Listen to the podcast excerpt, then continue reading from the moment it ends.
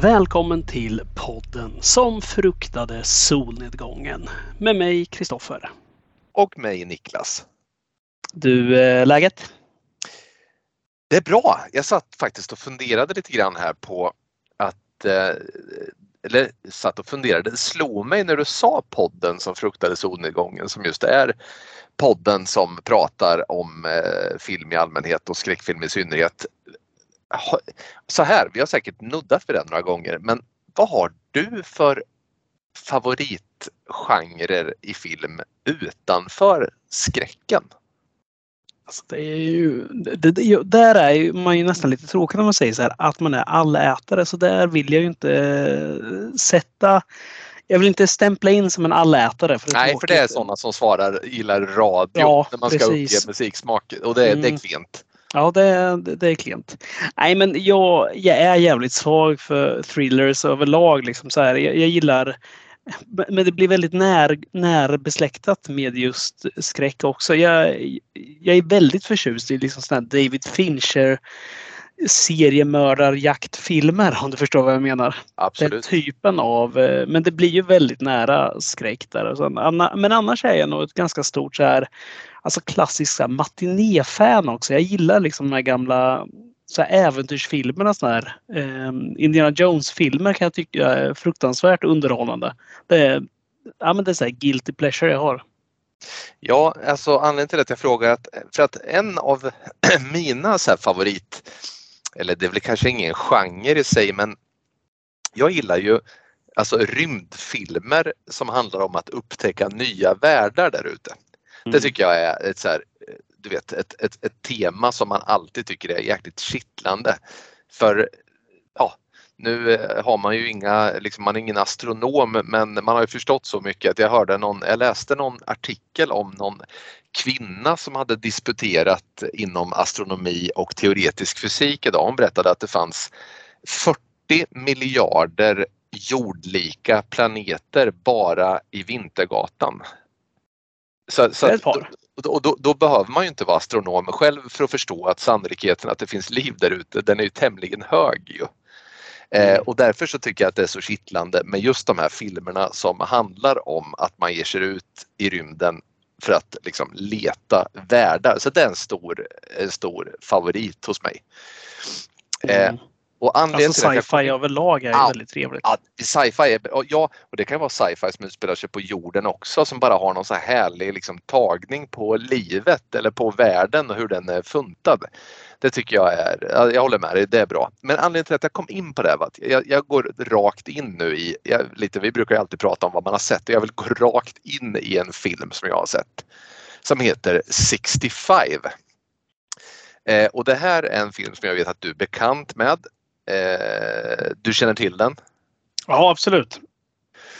Det här är ju en personlig favorit i Adam, ja inte Sandler ska jag inte säga nu utan Adam Driver, alltså han som spelar eh, Kylo Ren i de nya Star Wars-filmerna. Som ger sig ut i universum och landar på jorden för 65 miljoner år sedan. Och vad hände på jorden för 65 miljoner år sedan, Kristoffer? Ja, då var det dinosaurier. Ja, det var det. Det var dinosaurier och där ska han då, där har han då kraschlandat och eh, är enda överlevande ihop med en liten tjej som också överlevt och tillsammans så ska de då navigera till en plats där de tror att det finns någon form av kapsel som kan ta dem vidare ut i universum igen. Eh, ja, alltså handlingen, när man läser om den eller har sett trailern och så vidare så tycker man att det här är säkert eh, någonting som kan vara jäkligt underhållande om det görs rätt.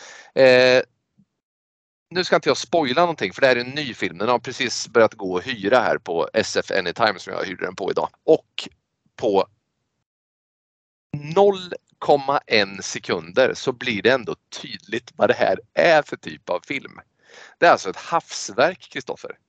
Mm. Det är ett havsverk. Eh, effekterna är, är ganska dåliga handlingen är forcerad, går fort in i helvete. Man hinner inte uppfatta något sånär eh, vad, liksom, vad som driver karaktärerna förutom en grundläggande sak som man får veta tidigt i filmen. Alltså det får man veta inledningsvis då. Adam Drivers dotter är sjuk och därför måste han, eh, han jobbar som någon form av pilot som, som eh, man förstår att han, han bor inte på jorden, så kan vi säga, utan han bor på en, på en främmande planet som är jordlik och så ska han ge sig ut i universum och det på en expedition som han får bra betalt för så att han kan då ombesörja ja, någon form av medicin eller transplantation eller liknande för sin dotter landar på jorden. Men, men det är ett havsverk och det är så synd att det är ett havsverk. Eh, för att den här typen av handlingar, du pratade om det lite själv, matiné, ja det kanske inte är en matiné i ordets rätta bemärkelse men, men det är åt det hållet. Men visst blir man ledsen när man sätter fram emot någonting och eh, det blir så här. Ja, verkligen. Det där eh, det är för jävla tragiskt där. För jag vet att både du och jag gillar såna här typer av filmer just med, ja men dels där eh, jaga planeter och liv. Men även det här med monster i form av kanske just dinosaurier, alltså någonting ja, men något väsen, något större väsen. Det gillar ju vi när man ja, måste slåss mot. Och jag skrattade lite för mig själv här tidigare under dagen när eh, du skickade mig en bild bara på vad jag misstänker är då en av varelserna från den här filmen. Och jag frågar, jag fattar inte att det var den här du såg utan jag frågade om det var Anaconda du kollade på och tänkte att det var kanske Anaconda 3 eller 4 med David Till och med 5 skrev du. Anaconda 5? ja, det var, jag vet inte om det finns en 5 jag tänkte liksom att det såg för jävligt ut. Det var så här, Ja, men liksom ju, ju, fler nummer jag hade lagt på där, ju sämre hade effekterna varit antagligen. Och, och, det säger väl lite om hur kanske de här effekterna är i den här filmen. Nu har inte jag sett den än, men jag har sett bilden här som du skickade till mig. Och faktum är nog att när jag såg Anaconda 3 att eh, ja, den, eh, de effekterna var de, de är sämre, men eh, långt ifrån var det fan inte i den bilden. Nej, och, och, det var ju i och för sig, det var nog filmens allra fulaste dinosaurie jag skickade till dig. Men det är ändå oförsvarligt. Alltså, du, du, de lyckas ändå. Det här är någon, någon så här varanliknande reptil som kommer som då har ögonen placerade på varsin sida av huvudet så som reptiler eh, ju har och ändå lyckas de få den att se vinnögd ut på något sätt. Och det, var, ja, det var sorgligt. Men det är ju ofta så där att när de gör någonting, antingen lägger de på världens jävla överbett eller underbett eller vindögdhet och det där, det, alltså så här, slänger in tänderna på utsidan. Förstår du vad jag menar? Så här, det, ser alltid, det får något så här, slags komiskt drag liksom över det hela. Som man sitter och säger att det går inte att ta den här på allvar. Nej men visst, visst är det så och jag tycker ändå det är ju ändå rättvist att jämföra den här Eh, kanske inte i budget men alltså Jurassic Park den har ju 30 år på nacken i år. Och den här filmen är på alla sätt mycket fulare än Jurassic Park. Jag tänker inte då bara på T-rexen för den här filmen har också en T-rex. Utan jag tänker på alla dinosaurier. Eh, jag tänker i synnerhet på, du vet i Jurassic Park när de stöter på den här triceratopsen, den här med mm. horn som ligger och är sjuk. Eh, och den är så snygg. Det är ju så snygg. Den är ju så snyggt gjord den dinosaurien. Det finns inget av det i den här filmen 30 år senare och det är sorgligt. Ja, fan vad sorgligt det är. Alltså det där med effekter. Alltså det är verkligen så här hit eller miss. Alltså det, kan man inte göra det bättre än man gjorde för 30 år sedan? Alltså, lägg ner i så fall. Lägg ner den som försöka kan man ju tycka. Absolut. Eller om, lägg om krutet ja. på en dinosaurie då. Om, om du inte har tillräckligt med, med så att säga iver att få det bra. Ja, men ska verkligen också fokuset då vara på de här dinosaurierna? Gör som i Hajen, gör som i andra filmer som liksom inte visar istället. Mm. Dunka in en stor ljudkuliss istället med så här tunga steg som närmar sig. Som Jurassic Park gör så jävla bra med det här glaset vatten som står i en bil som liksom mm. eh, eh krusar sig hela tiden. Det är ju det ja, otäckaste man har sett och där spar man ju verkligen in så här, ja, men då behöver vi inte visa någonting. Sen har ju de råd att visa upp sina monster ändå eftersom de är otroligt snyggt gjorda. Mm, ja men verkligen det är ju en eh, kalasbra grej att göra. Men, En, annan, eh, en annan sak, jag vill bara säga, en, en annan sista sak där bara. Eh, En, en annan grej som jag verkligen störde mig i början av filmen, det är när han har kraschlandat på den här planeten och han springer fram i, i, i terrängen. Han har ju har aldrig varit där, han vet inte ens vart han är, han har ingen aning. Jorden är ju liksom perifer, det, den finns inte för honom, han vet inte vad jorden är. Men han springer fram på den här planeten och springer över ett, ett trasigt ägg, du vet ett kläckt ägg, äggskal. Men han bara springer vidare. Hade inte du om du hade landat på en främmande planet undrat åh, åh, vad är det här liksom? Vad är det här för någonting? Alltså, men han bara skiter Han bara kör som om som om det var så tydligt, aha men det här är ju reptiler, det är ju ägg. Vi har inte fått någon bild av vad han är van vid för liv i, i sin värld. Det, det, det, det förstår du, det är, för, det är för klent allting bara. Ja, det är jävligt klent. Det, det, där måste man göra bättre. Du säljer inte in den här alltså? Nej, jag säljer inte in 65. Jag gör inte det. Alltså, visst, se den för guds skull, men håll inte mig ansvarig. Jag kommer inte göra som Fredrik Strage när han gav Arn 3 av 5 och sen ångrade sig. Har du hört den? Om Fredrik Nej. Strage. Det är väldigt kul. Fredrik Strage, som de allra flesta av oss är bekanta med, han gav filmen Arn 3 av 5 i Dagens Nyheter. Så satt han hemma på kammaren och ångrade sig och tänkte att den, den är bara värd 2 av 5. Så att han besökte bion kvällen efter att han hade skrivit den recensionen. Och så frågade han folk när de kom ut så här. Vad, vad tyckte du? Så här? Om de sa att den var bra, ja men då var det bra, Ja, men vad bra då, gå över, farväl, ha det bra. Så här. Men om det var någon som sa att men den här var skit, då gav han de pengarna tillbaka för att han kände sig eh, ansvarig för att ha gett ett felaktigt betyg. Det är härligt. Man gillar ju Strage. Ja det gör man verkligen och, och det, det kommer jag inte göra med 65. Så, Nej. förlåt, kör! Men eh, nej, jag satt och funderade på om jag kunde få tillbaka mina hyrpengar här. Om jag skulle försöka där. Men eh, nej, vi får se. Du brukar skicka mig mycket fakturor ibland. Det imponerar någon i brevlådan. Ja, Men, eh, absolut. Det kanske är Det min jag. tur att göra det här. Ja, Det brukar också vara på hiskliga summor, alltså typ 400 000 miljarder biljoner. ja. Men det är ju som du, vi brukar prata om du för tiden. Du är ju väldigt eh, ekonomiskt tät. Ja, väldigt, väldigt. Och det är mycket av intäkterna från blufffakturor till dig.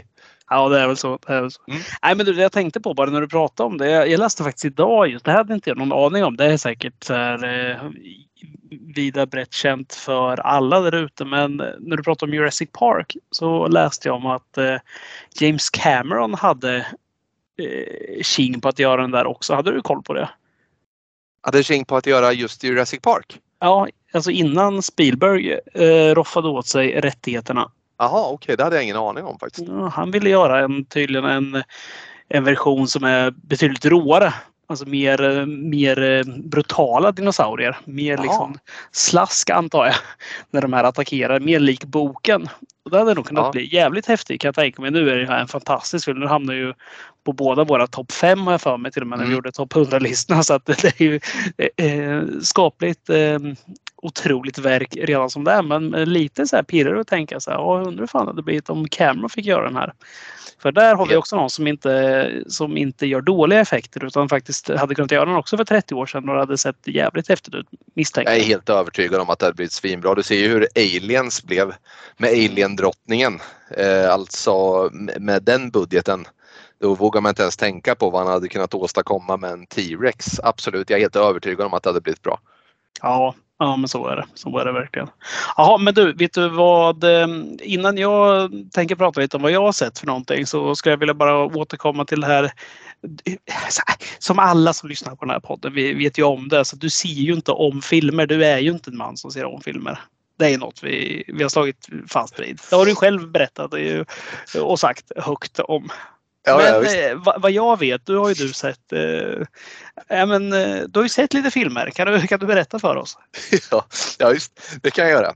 Eh, som sagt, i kölvattnet då av att jag har deklarerat min ovilja att se om filmer så har vi ju då, eh, ja, dels har jag sett, men det var ju förra, det berättade jag förra veckan att jag har sett remaken av White Man Can't Jump.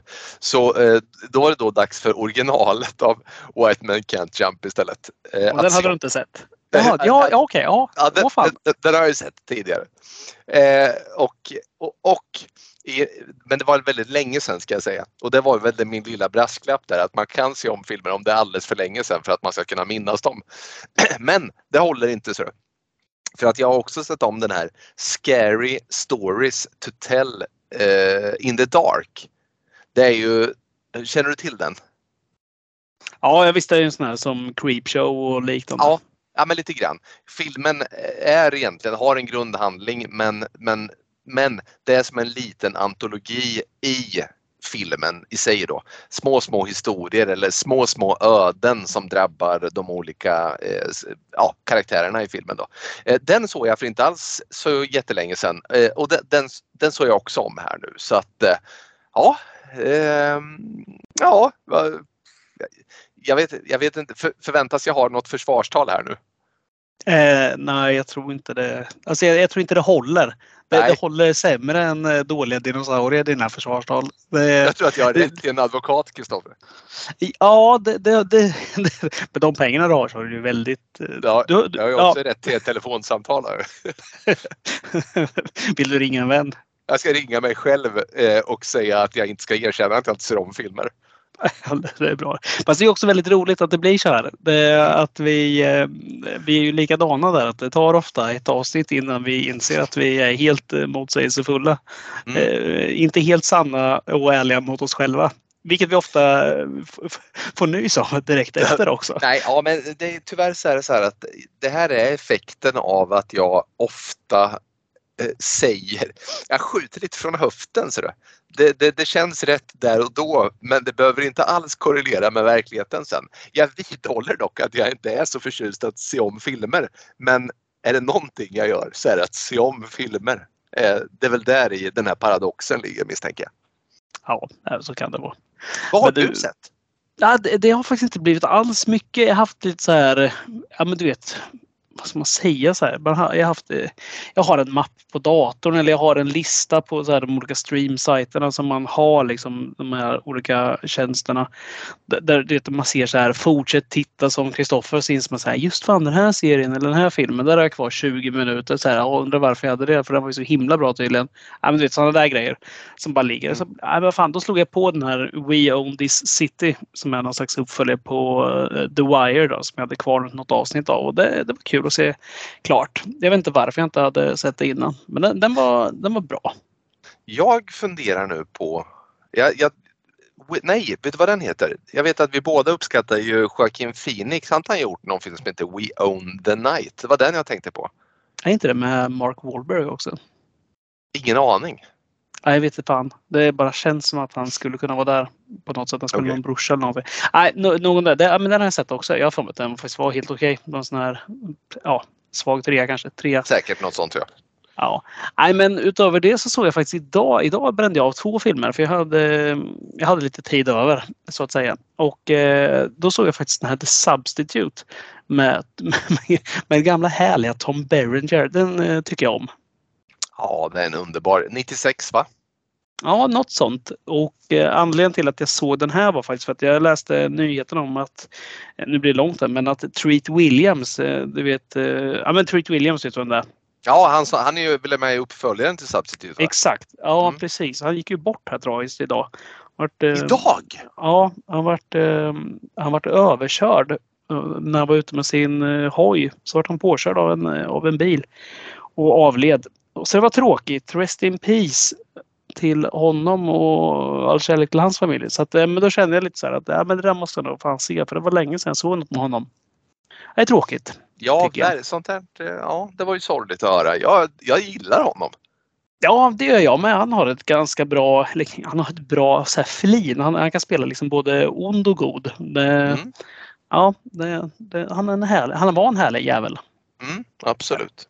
Nej, utöver det så har det inte blivit särskilt mycket mer. Så det här har ju mer varit sådana här som man bara kan, ja, men man kan ha på det lite i bakgrunden. Man behöver inte vara he helt fullinvesterad i det för att eh, se det.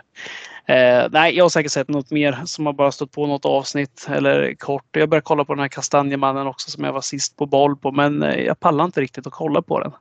Jag vet inte varför. Den, den följer mig inte riktigt i smaken. Och jag, jag brukar vara så det kommer vi säkert prata om mer sen i det här avsnittet. Men jag brukar inte ha något problem med de där typerna. Men den där, nej, den, den var lite obehaglig. Sen var den på danska också. Jag var nog lite för trött för att liksom hänga med riktigt i den. Mm. det är ju, nu nämnde du filmer som kan tuffa på i bakgrunden. Kastanjemannen är ju inte en sån serie utan den har ju lite såna här, nej, inga likheter i övrigt med David Fincher men du fattar stämningen är ju ändå mörk. Det är en dyster serie. Det är mm. den olycksbådande precis som Fincher är. Och den måste man nog sitta och vara rätt investerad i för att uppskatta. Jag har faktiskt sett hela den och jag gillar den skarpt men som sagt var, det är inget bakgrunds, eh, ingen, ingen bakgrundsserie liksom. Nej, jag har haft den där på när jag ska somna så brukar jag alltid dra på någonting och då tror jag att den har varit lite så här Även den har varit lite för långsam du vet, så här, för att mm. man ska kunna, så här, det är ju perfekt när man ska somna. För vad fyller det annars för funktion om, om, om jag inte hade somnat? Då hade ju... Nej, det är sant. Ja, så att jag ska nog se den lite tidigare. Misstänker. Det, det är ju jävligt tråkigt det där när man börjar se bra saker alldeles mm. för sent. Så att ja. man måste liksom göra ett avbrott. Jag, jag tycker inte om att dela upp filmer. Jag hatar, eller serier, jag hatar att göra det. Jag vill liksom se ett avsnitt minst och sen vill jag göra, eh, dra ett streck, gå och lägga mig, se nästa avsnitt dagen efter. Eller så ser man klart en film och sen går och lägger sig. Jag hatar att behöva dela upp det i en, två sittningar. Det blir aldrig bra. Nej, det blir inte bra. Man gör ju inte, man gör ju inte verket rättvisa heller. Det är inte så det är tänkt att man ska göra. Nej, det, det, är ju inte det. Det, det är tråkigt. Det är tråkigt. Mm. Mm. Men du, eh, har du funderat någonting på någon slags topplista vi ska jobba med? Någonting?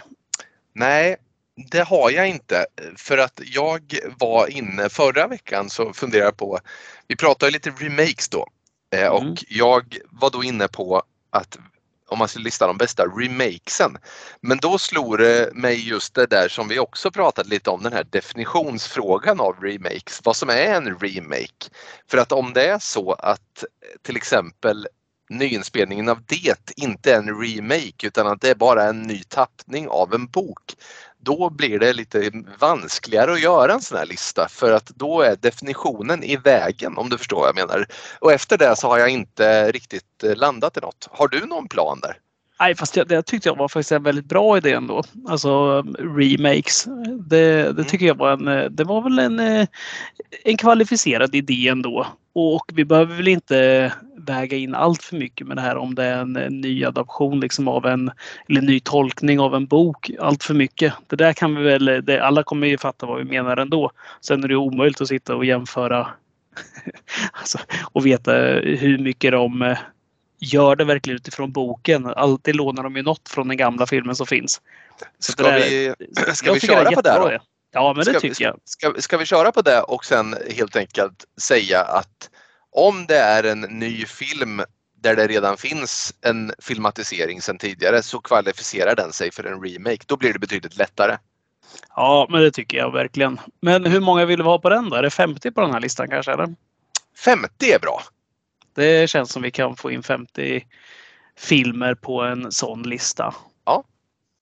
Kommer du de här de sju samurajerna här istället för Sju vågar livet och så här, sådana där saker? Ja, alltså, Jaha. får man det? Ja, ja, ja, visst får man ja. det. Det, eh. det. det, är väl eh, OK tycker jag.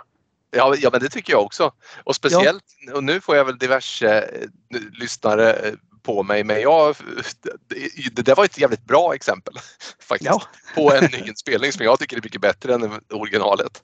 Ja, nej, men eh, det är bara så att vi vet var eh, ribban ligger. För jag tror ändå att 50 filmer alltså, som är remakes kan bli ganska svårt ändå att få ihop. För att mm. Eh, alltså, om man ska ha lite kvalitet på det här, det vill vi ha.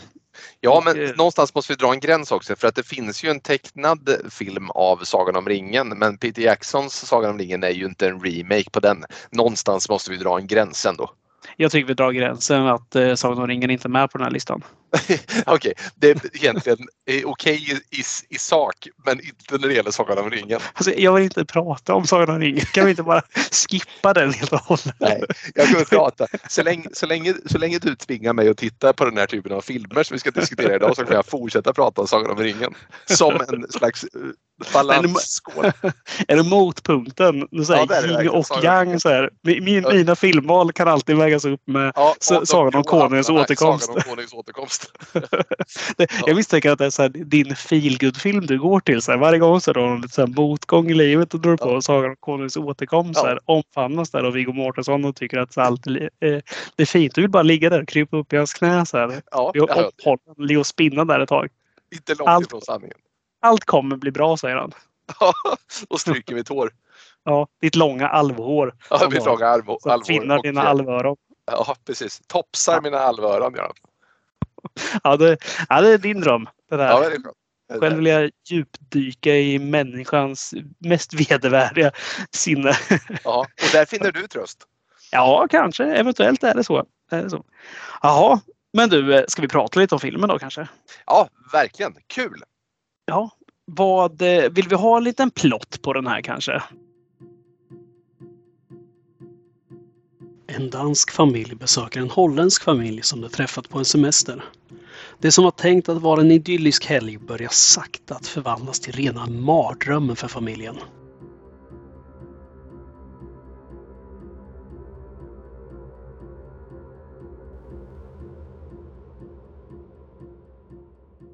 Tack så hemskt mycket för denna fina läsning. Du skulle bli en sån här ljudboksinläsare. Du skulle kunna ja. läsa in den här eh, den här eh, Speak No Evil när den kommer som bok tror jag. Det skulle passa bra. Ja, det, det kanske jag ska göra. På tal om, för det blir en sån här rolig parentes som inte har något med den här podden att göra egentligen. Men när jag var yngre och eh, en gång eh, hakade på en sån här, eller hoppade på en sån här svetsutbildning. För kan du mm. tänka dig mig som svetsare? Eh, alltså, om, jag är ju sämre än Stefan Löfven på det antagligen. Han är säkert svinbra på att svetsa. Som ja. jag pratat om. Men nej, jag hoppade på en sån här, skulle åka ner till Mjölby av alla ställen väldigt tidigt. Då var jag tvungen att ha en ljudbok. Det här var alltså innan det fanns massa Spotify och poddtjänster och sånt där. Så då, då fick man ju ladda hem den här. Och då valde jag att ladda hem eh, vad heter den? Eh, mitt liv som porrstjärna med Jenna Jameson tror jag den heter. Jaha. Jag ja. tror hon heter så i alla fall den boken. Ja. Mm. Det, och den här var ju inläst då. Den tänkte jag, men det här kan nog bli intressant ändå. Så för hon är ju stor och känd. Nu har jag absolut inte sett några av hennes verk här. För de som, inte jag heller. Jag vet, inte jag vet knappt vem det är. Eh, men det roliga här var, var ju att jag hade ju alltså lyckats ladda hem den här från någon sida med Alltså det, det lästes upp av någon som läste upp för döva eller hörselskadade. Och det är väldigt mycket så citat i den här boken. så att, ursäkta språket men när Jenny Jameson kanske säger så här knulla mig hårdare. Och så läser den här upp det som knulla mig hårdare. Punkt, sa Jenna. Alltså det blev väldigt, väldigt konstigt det här att lyssna på. Det var alltså otroligt märkligt. Och, och, där gick du. Där gick du med lurarna.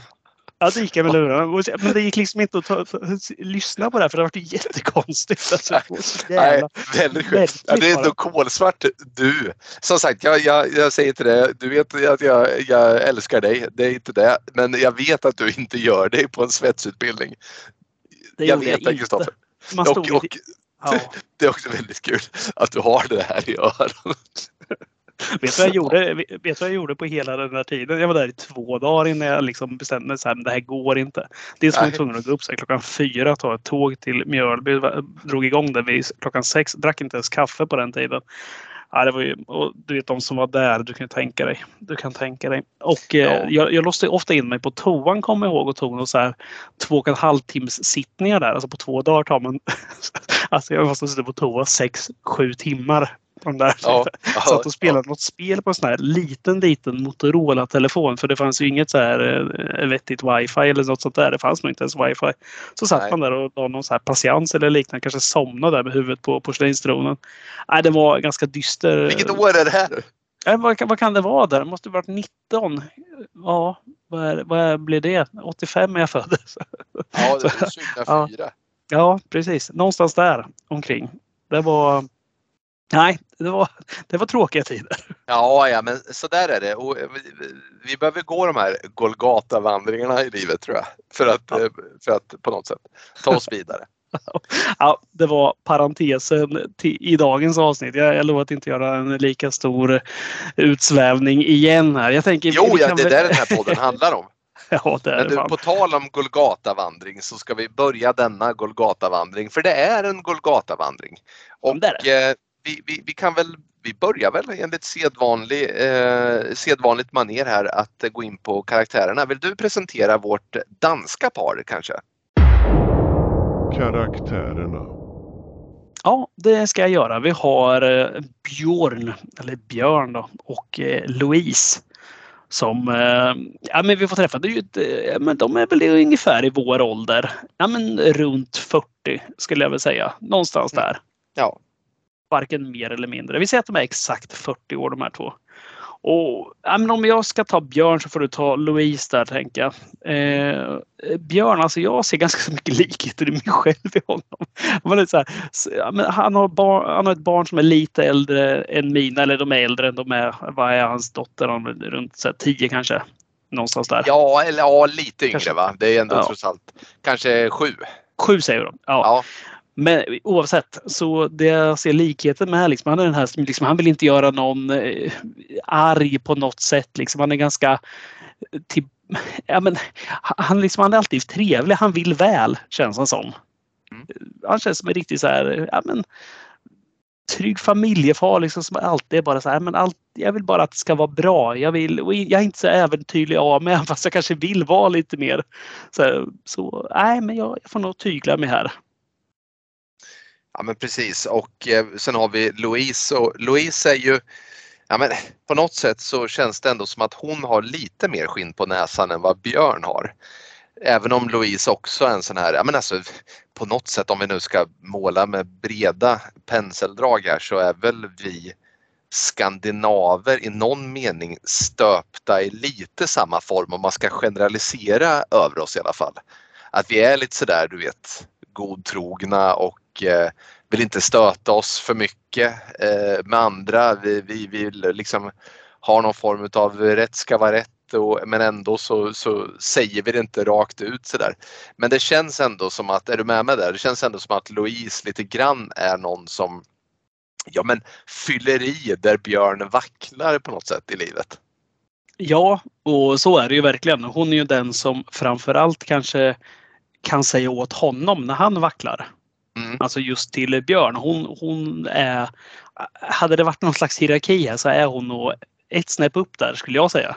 Och det är väldigt kul för att Björn, om Björn då väl bestämmer sig för att han ska säga till någon på skarpen och inte gör det på skarpen så betyder det att han hamnar i en situation där han har både Louise och den han skulle säga till på skarpen emot sig. Så han hamnar ju alltid i kläm den här mannen. Liksom.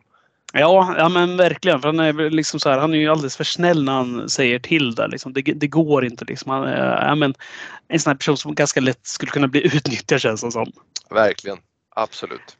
Men vi har ju även deras dotter då, eh, Agnes. Och det, det är inte jättemycket mer att säga där. Du sa att hon var runt sju år. Och, Ja men kanske skådisen kan vara tio, vad vet jag. Men Ja. hon ska nog spelat vara sju, sju med tanke på att ja, hon är fortfarande eh, Eh, ja, nu ska inte jag lägga någon sån värdering i liksom, men hon törs inte sova, det är alltid lampan tänd och hon har sitt lilla gosedjur med sig och sådär. Så hon känns inte riktigt som tio i min värld i alla fall. Nej, nej, men precis. Och det, menar, och det berättar väl ganska bra om vem hon är också egentligen. För hon är en Mm. helt normal liksom, sjuåring. Ja, Det, det mm. är absolut inget konstigt där. Sån här som glad och vill leka hela tiden liksom, och vill vara nära föräldrarna. Liksom, ett älskat barn helt enkelt. Ja och ensam barn. Eh, Ja, det jo. får man ju lägga till. Alltså hon får ju mycket, ja på något sätt, eh, jag vet inte men det känns som att hon lite sådär, nu får vi inte följa henne i en, hennes egen hemmiljö så mycket. Men det känns lite som att hon saknar någon att leka mycket med utan det vi ser är när hon är med föräldrarna och ett barn i sjuårsåldern som är med föräldrarna kommer behöva bli sysselsatt och lite så känns ju hon också liksom. Som ett vanligt barn alltså. Ja, och sen är det väl kanske ett litet sånt barn också som alltid har fått lite som hon vill känns det som. Inte Mm. att hon har blivit liksom elak på något sätt eller liksom bortskämd men, ja, men hon är nog van vid att få det som hon vill och föräldrarna är ganska måna om att ja, men göra henne till lags också. Ja, absolut. till lags. Mm. Eh, men vi, vi får ju den här inbjudan. För de blir ju inbjudna till det här paret. Det här eh, Mm. holländska paret som de träffar där nere i Italien på sin resa. Mm. Jäkla lurigt det där med att man bjuder in någon för övrigt så här som man bara träffat kort. Men, ja eh, precis, ja, men de har ja. hängt ihop kanske några dagar i Toscana, Italien ja, och så Mm. kommer de hem och får en inbjudan till deras hus i Holland, då, ett holländskt par. Ja, men då vänder Mm. vi på det, då, då, då presenterar jag Patrik eller Patrik. Jag vet inte hur Mm. man säger på holländska men vi kallar honom för Patrik eftersom vi är svenskar och skötar och allting. här.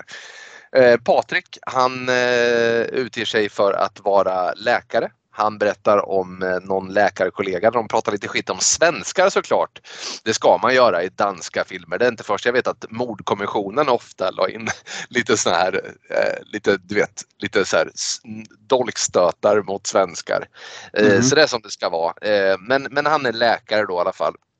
Och en man som känns, ja men han känns ju lite sådär, du vet, lite sådär förvirrat excentrisk som läkare av ett visst snitt kan göra. Du vet lite så här frimodig och lite sådär eh, manjana, manjana typ liksom. Eh, ja, och han, han eh, ganska snabbt så här, tar ju rätt mycket plats kan man tycka. Han syns och hörs. Han är, ger komplimanger till Björn. Han ger komplimanger till, till Louise för hennes, eh, att hon är vegetarian och han liksom, du vet han, han ger mycket, om vi säger så här, när man läser om folk som har haft med psykopater att göra så har man ju förstått att det inledningsvis i den relationen eller den gemenskapen ofta är att det är en väldigt trevlig människa. Alltså det är mycket komplimanger, mycket sådär uppmärksamhet för ens person som gör att man känner sig smickrad.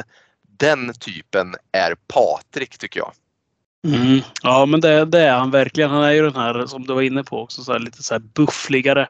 Han är ju, ska man hårdra det så är han ju i, i, i stort sett motsatsen helt till vad Björn är. Mm. Men han, har ju inga problem med att ifrågasätta folk eller att, eh, men att ge komplimanger som du säger. Att liksom leva i nuet konstant. Liksom, jag, gör, jag gör vad fan jag vill. Liksom. Så, så Mm. är ju han. Det är, Mm. det är inga konstigheter med eh, det- det här sticker ut, det här kanske du inte borde göra. Jo, men det gör jag. Så här gör jag. Och så, så kör vi. Och kan ifrågasätta egentligen vem som helst, när som helst och så vidare. Och det blir ju en jäkla kontrast där. Sen hans fru, där, det är ju faktiskt ett äkta par de här som spelar också, vilket är kul. Eh, Ah, det är ju en okay. i verkligheten. Aha. Och de har ju väldigt bra kemi i filmen. Eh, men eh, det är ju hans fru Karin, eller Karin, Karin, hur man nu uttalar det De får heta på svenska helt enkelt. säger Karin. Eh, hon är ju... Ja, alltså om vi sa att hierarkin i det andra förhållandet var att Björn var lite underlägsen så skulle jag nog säga att Karin här är den som är, får ta ett steg bakåt. Alltså en så här klassisk man och hustru-relation. För att hon, eh, det är Patrik som, som syns och hörs. Hon är mer i bakgrunden och, och finns där men stöttar liksom sin make i allt. Det är i alla fall den känslan jag får. Absolut, men hon känns ju inte förtryckt på något sätt. Utan hon känns verkligen som att hon så här, ler lite på avstånd åt eh, Patrik och som du säger stöttar honom i allt. Alltså säger han om han eh, liksom förnekar förintelsen så gör hon det också. Eh, Alltså, hon känns som ett fullständigt stöd till honom. Ja, hon känns dock lite kallare på något sätt hela tiden. Som att hon liksom Mm. kanske är den här, ja, men hon, hon kan liksom sitta och föra sig under en middag men, eh, ja, men man hör liksom lite på hennes tonläge, liksom på ta, alltså det hon pratar om. Liksom, det är lite kallare än Mm. vad, vad Patrick eller Patrick har. Mm. Och de, har ju, de har ju också en kid, eller en liten småtting som eh, Abel eller Abel som är i, Mm. i stort sett samma ålder då, som Agnes. Ja, något yngre kanske. Ja, och han har ju, han har ju inte liksom riktigt där samma framgång socialt, den här lilla Abel. Han har Nej. ju ett stort, eller har ett väldigt litet problem för han har ju en väldigt liten tunga får vi höra där. Han lider ju Mm. av, eh, ja vad säger man, de, de har ju ett fint så här Ja, det finns latinskt någon namn. medicinsk term för det där ja. Ja, precis. Men vi de, ja, men född med för kort tunga tror jag de säger liksom eh, i översättningen. Mm. Och det gör ju att han inte kan prata. Alltså han har ju, eller de säger att han inte kan prata. Han har ju väldigt svårt att få fram några ord. Det är mest Mm. lite ljud, gny- gnyenden och, och stönläten. Ja men verkligen och om, nu vet inte jag någonting om det syndromet. Jag vet inte ens om det existerar på riktigt, det gör det kanske. Men om det bara skulle vara det att eh, eh det var en för liten tunga så är ju pojken eh, undlig på lite fler sätt. Man får nästan lite det här ja, men lite den där känslan av att lite autistisk spektrat av, av pojken. För att han svara, han kan ju inte svara ordentligt på grund av avsaknad av tunga men han ger ju inga känsloyttringar överhuvudtaget utan står mest och tittar ner i marken och känns ja, lite så förtryckt och eh, lite i sin egen värld och sådär. Så att det, man, man får känslan av att det är något med Abel förutom tungan. Liksom. Ja, det, det, det dyker upp en liten röd flagg på den här introduktion, introduktionen av mm. den här karaktären. Direkt eh, kände jag i alla fall. Det kändes liksom helt fel för den här. Stå och titta ner som sagt och fladdra, alltså så här vacklande blick känns väldigt otrygg och liksom så här. Det, det, ett väldigt fokus på honom direkt. Att liksom så här, nej men, eh, nej men det, det, det är Abel, låt han vara liksom. Det är inte så mycket så här, bort med dig. Och sen ja, så här, verkligen. Eh, han ska inte lägga så mycket vikt vid. Nej, för att äh, om man själv hade ett barn med, med det syndromet så hade man ju gjort allt för att de skulle kunna kommunicera på andra sätt, alltså teckenspråk och kunna skriva och sådana saker. Men det är ju inget sånt. Nej, precis. Det, ja, man får liksom inte den här eh, känslan av att den här pojken är ute och leker på, i lekparkerna med de andra barnen hela dagarna och så. utan han, han sitter nog mest på sitt rum och ja, målar bilder med folk som blir spetsade eller saker. Det är visst. ungefär så det känns. Visst, visst är det så, absolut. Sen har vi inte så där jättemycket fler karaktärer. Det, det, dyker upp en jäkel till här för att vi mm, om vi bara ska gå lite framåt i handlingen lite snabbt bara är ju att eh, när, de, när de landar här hos den här holländska familjen så mm, en av dagarna så måste de, de hittar ju på saker varje dag. Men en dag så ska de ja, ut bara de vuxna. Och det här kommer ju så här hux flux bara pang på rödbetan nu ska vi dra ut. Och det här är ju väldigt konstigt att man inte har gjort upp innan att ja, men vi har en barnvakt bara. Som, ja, som kommer. Och det är ju Muhajid som mm. dyker upp då. Det är alltså en man som inte pratar ett dugg holländska eller danska för den delen. Han pratar Nej. engelska. Mm. Och ja, jag vet inte liksom vad, mina barn är för, för, små för det här men jag vet inte hur hade du hur hade du gjort om det här hade hänt? No, alltså jag kan säga så här att hade jag varit på besök hos några ytligt bekanta eh, som introducerar en barnvakt för mina barn när vi ska åka iväg på tu man hand i ett, dessutom ett främmande land. Jag hade aldrig gjort det och mina barn hade aldrig gått med på det heller kan jag säga men det, det hade aldrig hänt. Eh, men, men här är de på något sätt här är de ju snärjda på något sätt för att de dras liksom in i det här holländska parets eh, excentricism, heter det så? Det, det, känns som att de liksom åker med. Alltså, de, de är säkert också personer som aldrig hade accepterat det här egentligen men så blir det så ändå och det är väldigt obehagligt tycker jag. Mm. Ja det är det verkligen. Det där är i, det stora hela så är det de karaktärer vi har i den här filmen och den här Muhajid är kanske inte ens en karaktär man är egentligen värd att lyfta men eh, vi, vi tar med den ändå bara för säkerhets skull här. Platserna och miljön. Jag ja. tänker att eh, innan vi pratar hotet så kanske vi kan prata lite miljön bara.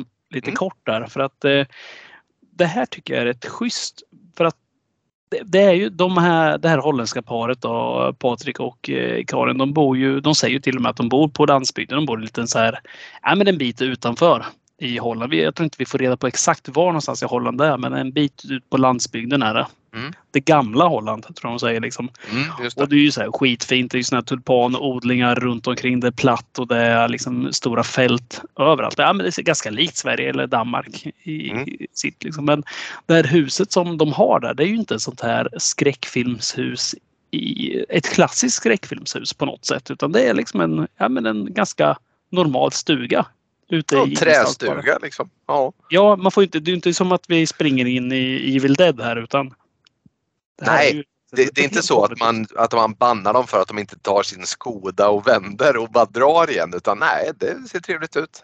Mm. Nej, men, och, det ju, och det här hemmet, liksom, det är inget konstigt i det heller. Utan det är, liksom, det är väl möblerat. Det ser liksom inte... Ja, men du vet som det annars är i skräckfilmer. Att alltid så här, det saknas bilder på varenda familjemedlem. Det finns liksom inget här. Det är helt kalt och naket. Så här, men det är ju ändå Mm. ett, det här ser ut som ett helt vanligt hem. Det är Ja. inget att anmärka på där. Det finns, det finns pool och det finns, ja, men det finns liksom eh, ett kök med, som är fungerande och allting. Mm.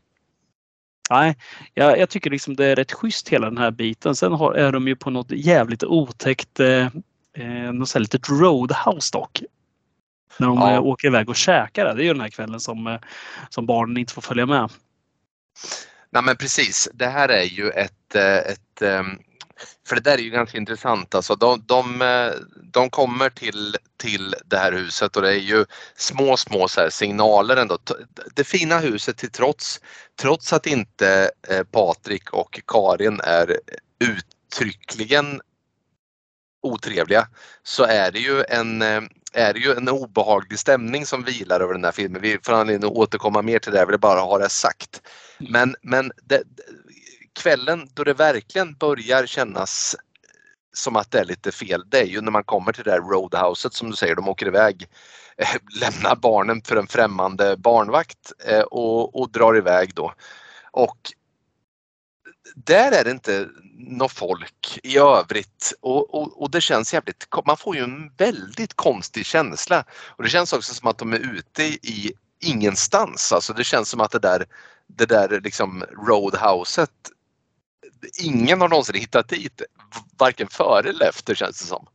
Nej, men precis. Jag får någon slags så här David Lynch-vibbar av den här scenen där, där vi sitter. För det är ju så här, det är ett litet bord och så är det sån här ja, men så här plyschbeklädda, ja, men så här riktigt holländskt du vet med sån här, ja, men det är lite så här träfasad, plysch blandat, ganska dova och så här mörka färger.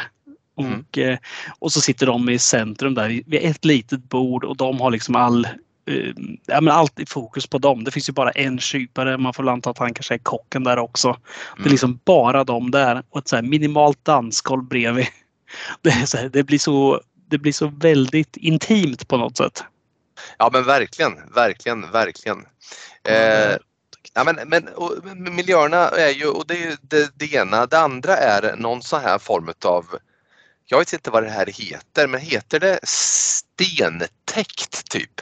Alltså de åker ju till ett sån här, alltså mitt ute på vischan så är det en sån här liksom en, ett, ett landskap som bara är fullt av sten och grus. Jag vet inte vad det heter, ett schakt eller vad ska vi kalla Ja, det? det kan man kalla det. Jag bor ju granne med Styvinge bergtäkt där tror jag det står.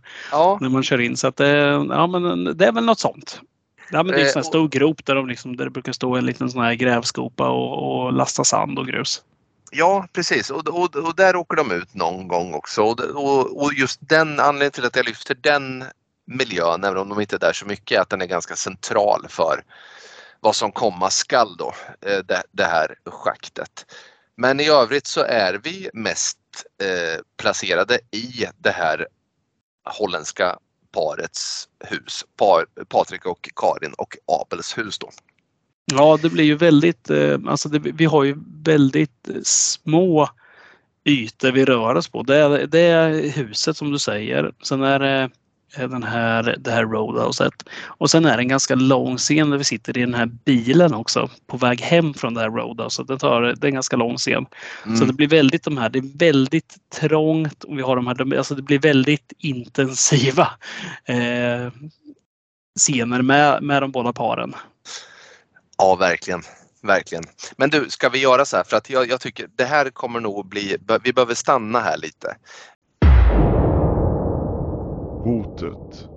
Ska Mm. vi hoppa på hotet här då? För då tänker jag att med hotet så, så får vi ju liksom dels gå in på det omedelbara hotet men också de små tecknen på hot tycker jag kan vara centralt Ja. att prata om. Ja men det, vi kan väl börja där med de här små tecknen. Får jag, får jag ta vid där bara? Ja, ja, verkligen, där, för absolut. att det, Kör så, så lämnar jag gärna över till det efteråt. där. För att det, det den här filmen gör är att vi, vi har liksom inte det här vanliga hotet att vi ser att ja, men he- helt plötsligt ligger det ja, men här ligger det 15 döda så här, high school tjejer som någon har mördat. Vem kan det vara? Liksom det, det är inte den typen av film alls det här. Det här är något det här, jag lovar, det här är en sån film som ingen har sett innan när ni ser den här. För det, det sticker ut. Utan här byggs det sakta, sakta upp eh, för att eh, kunna liksom nå ett crescendo i slutet. Och det, det, liksom, det planteras in små, små detaljer. Vi har till att börja med när de här, den här paret träffas, kommer du ihåg det? De är ju i, i Toscana, de är i Italien på yes. något jättelitet hotell. Också väldigt intimt. Så är det en sån här plats för, det känns som att, ja, vad kan det vara, kan det vara tio par som får plats på det där hotellet. Så här, mm. Ganska liten pool. Och de sitter där på någon sån här matresa. Och då, då har de en liten här lilla poolen och då, det är då Patrik kommer fram till Björn och Louise och eh, Agnes. Björn ligger och läser sin bok och han har varsin solstol bredvid sig då. Och där ligger så här, det, det, är helt, det är så överjävligt tydligt att Agnes grejer ligger på, alltså dotterns grejer ligger på den här solstolen bredvid. Det finns flera solstolar lediga runt om. Men ändå är Patrik där och är, det här liksom, är den här ledig? Den här stolen. Ser Björn så här, kollar sig runt lite och bara så här. Ja, ja, jo, ja, jo, ta den du. Så här, så här. Ja. Det, det, är inget, det är, han säger inte nej där. Nej, nej verkligen inte. Och, och, och där tror jag faktiskt, det, no fan, det, det hade inte jag heller gjort. Jag hade också nej. plockat bort mina grejer och låtit någon ta den här enda upptagna solstolen av alla jävla lediga solstolar, förmodligen. Ja, men det där tycker jag är väldigt kul för att eh, jag, var tvungen att berätta om den här filmen för min eh, sambo för att eh, jag, jag, känner ju så väl igen mig i, i Björn. Jag har sagt det till dig tusen gånger också. Mm. Den här konflikträdslan som man har där. Jag, jag, tycker liksom inte det är värt att ta en strid för sånt här. Det är liksom så här, det här är inte min strid. Jag, jag orkar inte bry mig. Det är, det är inte värt att lägga energi på det här. Eh, så istället så här, nej men ah, jag vet att så här, nej vad fan du kan, du kan ju ta något annat här. Men nej men fine, ta den då. Jag, jag, jag gör inte en scen av det här. Jag ska ändå vara med det här i två veckor till, en vecka till då. Så jag kommer behöva springa in i det. Det kommer, bli, det kommer vara dålig stämning då. Ja, man är ju en sån jävla sucker för att inte vilja skapa dålig stämning. Ja, ja men visst, visst. Och, och jag misstänker att Björn är exakt så här också. Redan där får vi veta det här. Men det, det som följer här är ju egentligen ingenting konstigt utan alltså han, de får ju den där stolen. Det är ju inget konstigt. Det blir ingen fight om den utan det är liksom som en vänskaplig gest. Här får du vår stol. Mm. Men, men därefter följer det här liksom. Det blir ju en brant backe hela den här filmen när där alltså minsta lilla så här. Det här är en liten överträdelse i, alltså, i Björns privatliv. Alltså i hans... han, han blir kränkt av det här. Och det, det, fortsätter ju bara med fler överträdelser alltså, och, och fler, mer oförskämdhet, alltså respektlöshet. Alltså, och för att till slut då övergå till ren hänsyns, hänsynslöshet.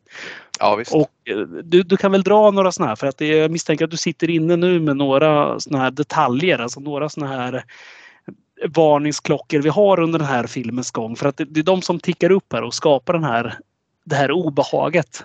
Ja, verkligen. För jag tycker att filmen, den här filmen är som, alltså för det första skulle jag bara sagt det, det här är ju en väldigt välgjord film.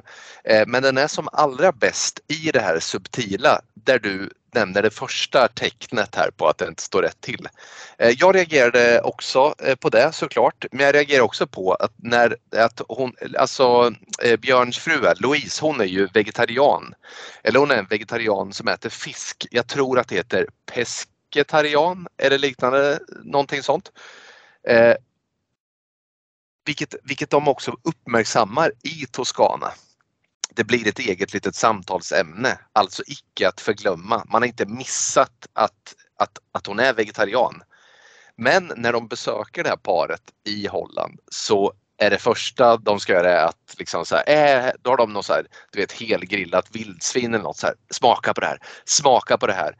Och, de frågar inte Björn utan det är bara så här, smaka på det här, smaka på det här. Så, ah, nej men det är bra säger Louise, äh, smaka på det här.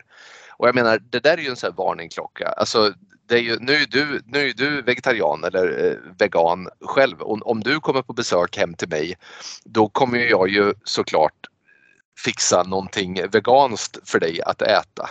Eh, det här är så tydligt att de inte har glömt utan det här är ju någon form av liten, liten härskarteknik som de använder emot henne. Det är väldigt tydligt. Det kanske inte framstår så tydligt när jag säger det men i filmen tycker jag att det känns väldigt tydligt att det är en liten, liten ja, men överträdelse igen.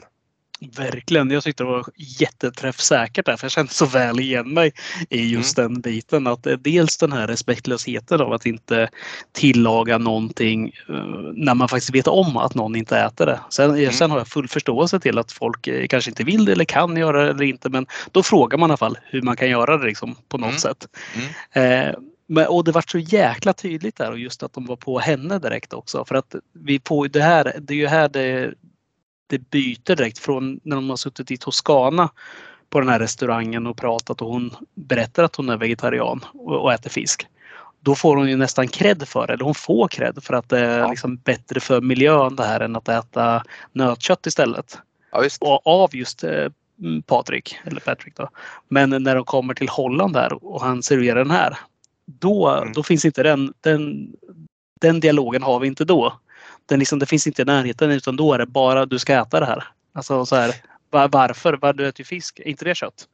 Ja. Då, då, är, då är han då är nästan så att han så här, han inte, alltså han har inte gått full-blown psykopat här liksom och blivit Nej. aggressiv. Men, det, men han lägger sig, det, och, det skrev jag i, efter filmen till det också, den här filmen, de lägger sig hela tiden på om vi drar en gräns för, för vad som är acceptabelt, att du kan ta som är det här är ändå okej, okay. alltså så här kan man prata med varandra. Då lägger de sig precis över här i början, precis på gränsen och utanför. Så att du inte liksom så här, ah, jag kan inte, jag kan inte brusa upp för det. Alltså jag, kan, jag kan ju bli, jag kan bli irriterad. Men jag kan liksom, det är inte så att hon, hon skulle slå honom på käften liksom och, Nej, och skrika ja, ut honom. Men det är precis ovanför. Och det är den här det är den här oförskämdheten tycker jag. Alltså den här totala respektlösheten som, ja, som infinner sig. Ja men verkligen, för det där är ju, det där är ju väldigt, det där är ju väldigt eh, problematiskt när du är gäst hos någon. Mm. Eh, du kan ju i och med att du är gäst hos någon så kan du ju inte riktigt liksom, du är ju i den personens våld. Alltså du kan inte gå in i polemik med allt den personen säger för att någonstans är du gäst. Du är där och du, du liksom på något sätt får, får vara tacksam för de gåvor du får och den gästvänlighet som de visar dig. Man är i ett underläge när man är gäst hos någon. Och just i det här fallet är det så tydligt för att hon liksom, det, är ju, det där är det värsta jag vet. Alltså jag, jag, jag kan ju tänka mig att du känner igen dig i det att du, att du, här, att du ofta kanske måste så här, försvara varför. Alltså nästan att folk så kan bli kränkta av att de får veta att ah, men, du käkar inte kött. Nej, okej, okay, men, men, men nej, varför det då? Ah, vad, vad, vad är anledningen till det? Så att man, att det måste bli ett sånt jävla fokus när det är ditt val och du kanske bara ska kunna få komma undan med det. Så är det inte riktigt så i Louise fall här. Utan, hon, utan det är just det där med att ah, okej okay, men fiske går bra. Så här, ja, precis. Och, och, hon är i ett sånt underläge. I och med att hon är gäst så kan hon inte. Hon kan inte liksom ge sig in i den där fighten riktigt för att hon är redan i underläge i egenskap mm. av gäst. Ja, ja men precis. Precis, visst är det så. Och det där är ju, ja, men det är väl det första liksom. Jag tror i alla fall. Det är väl det första liksom när vi har, då har vi trappat upp lite grann här mm. i de här ja, men att, att vi kränker liksom och ja, men att vi börjar bli lite mer oförskämda. För sen kommer vi till det här, jag tror i alla fall att vi är där när vi åker iväg på den här eh, ja, men den här resan då utan barn. När vi åker ja. till det här eh, ja, men eh, Roadhouset, restaurangen mitt ute ingenstans. Mm. Och eh, visst, det är samma sak där till att börja med. Det är lite det här tjafset om att de inte äter kött igen. Så här, nu, ja. De har ju försökt sticka därifrån en gång också. Bara ja. så här, för att de tycker att det är, det är lite obehagligt. Så att han, det, det har liksom inte hänt så mycket annat men, ja, men de, är lite, de är lite över gränsen hela tiden ja. och tycker att de är lite otrevliga. Och, och väldigt hårda mot eh, Abel. Ja, framförallt de skriker ju på honom. De, de, de, är ju helt motsatsen till vad de är mot, mot sin dotter Agnes. Ja, precis. Liksom... Och de sliter i armen och sådär. Det, det, det, det, det är inte någonting så här som det går att polisanmäla så långt. Men det är sådär så att man själv skulle reagera att wow, så här, för lugna ner dig liksom. Ja. ja. ja det, det, det, är också väldigt subtilt och snyggt eh, gjort tycker jag. Ja, verkligen. Ja, men det var bra att du sa det för att det, det ska vi också återkomma till. Eh, men just det här, den här middagen då, då som de har på, mm, med varandra bara där, de här fyra. Då blir det ju väldigt struligt där. Dels med maten som ska in. Sen kommer det in väldigt mycket alkohol. Det blir en väldigt blöt kväll där. Och sen har vi det här minimala dansgolvet som ligger precis bredvid där. Och det, alltså det, eh, Patrik och Karin de har liksom inte det här det här alltså, som vi kanske skandinavier har tänkte jag säga. Så här, men vi, alltså, de håller sig inte lugna där utan de ska upp liksom och de ska köra sin dans.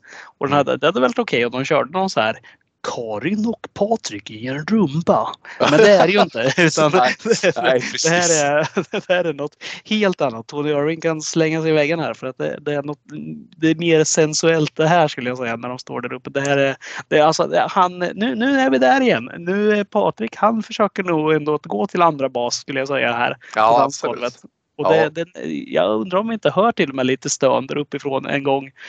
Eh, lite, lite så här intensivare andetag och Ja. det, det blir väldigt obekvämt där för vi får ju följa liksom eh, kameran via Björn och Louise, liksom vad de ser för någonting. Och vi filmar dem när de sitter där och försöker liksom eh, vad händer för någonting? Vad, vad gör de på golvet? Ja, och, Ja.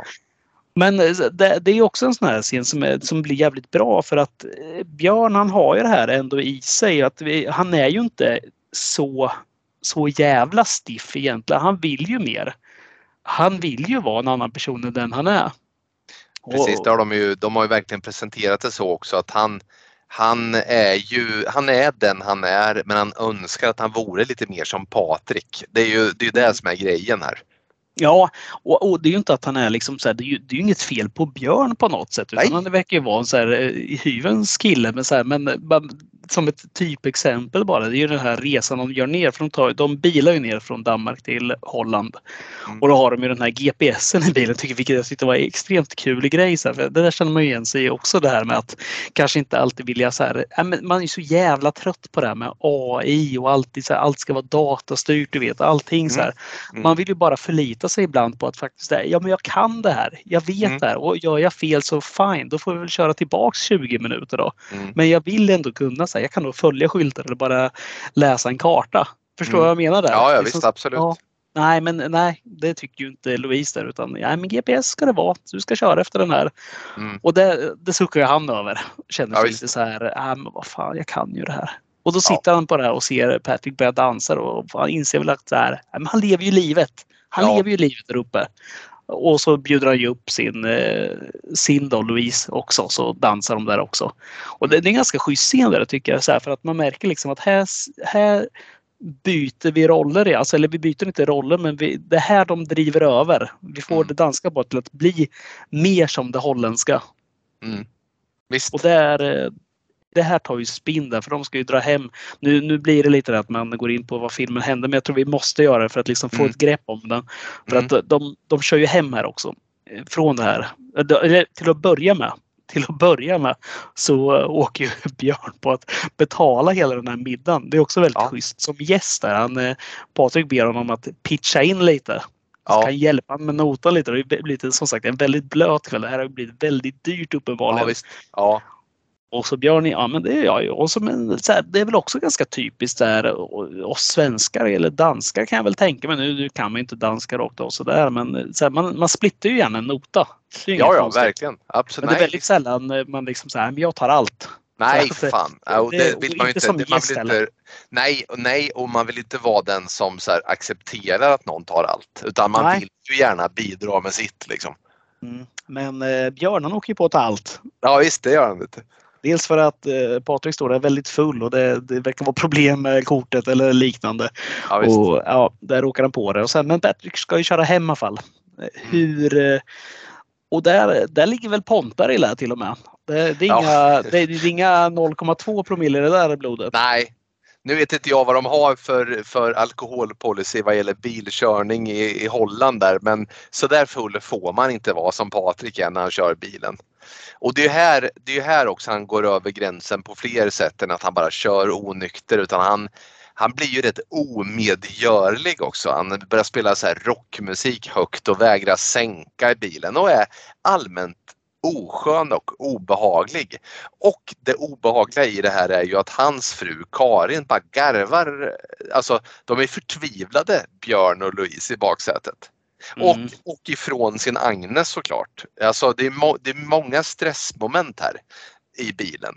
Men det, det är också där som det blir direkt så här. Det, det, det, är ju, alltså, det är ju en upptrappning men här på något sätt är den först, första eskaleringen eh, känns det som. Ja, verkligen. För att det, ja, men som du säger där, han drar på den här musiken, spelar vrålhögt och bilen bara ja, men zigzaggar sig fram liksom mellan filerna. Ja. Eh, och sen liksom, så men jag går med på att sänka det eftersom hon, Louise till slut skriker mer eller mindre liksom för helvete! Att det så här, på, Ja. på danska.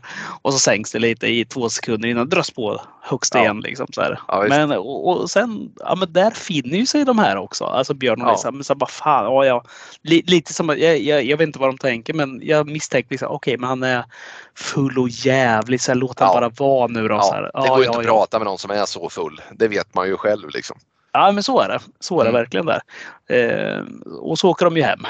Och, och kommer Mm. hem. Och här får vi en, eh, nu kanske det här går hand i hand lite med sådana scener som eh, man eh, tänker på också. Men jag vet inte hur vi ska göra där riktigt. Men, nej, men det blir ju en vi får ju en jäv... Det kommer de här obehagliga grejerna som dyker upp de här eh, milstolparna ändå för att vi får ju Dels eh, har vi en scen när Louise måste ta en dusch här.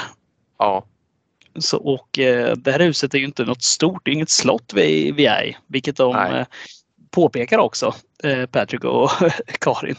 Utan Louise får ta sig en dusch och när hon står i den här duschen, det är sån här, eh, vad säger man, sån här duschglas som är liksom helt transparent egentligen. Ja, som liksom, det, blir, det blir ånger på det, alltså fine, så att du, liksom, du ser väl inte in allting men eh, du ser ändå att någon är där inne.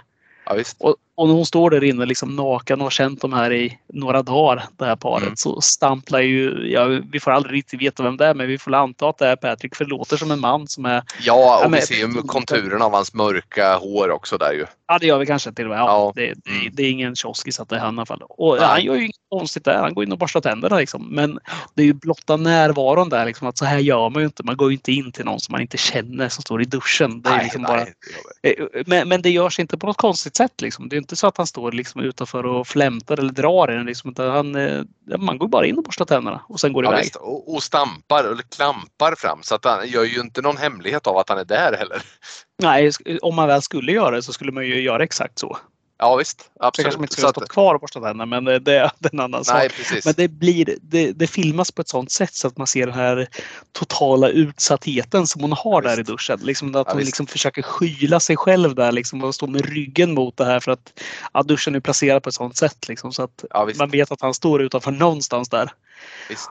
Ja, och sen det här som följer är ju för jävla obehagligt alltså tycker jag. Det är ju Ja. det här när de kommer upp sen. Alltså, hon, nu vet jag inte om det är exakt samma natt där men de, eh, de sover ju i samma säng, Björn och Louise givetvis. Eh, Agnes sover ju i samma rum som Abel och det här holländska paret sover ju i sitt rum. Och de hamnar ju, ja men de börjar pussa på varandra lite, Björn och Louise där. Och Mm. andra, första, andra, tredje bas där ska, ska, ska gås igenom.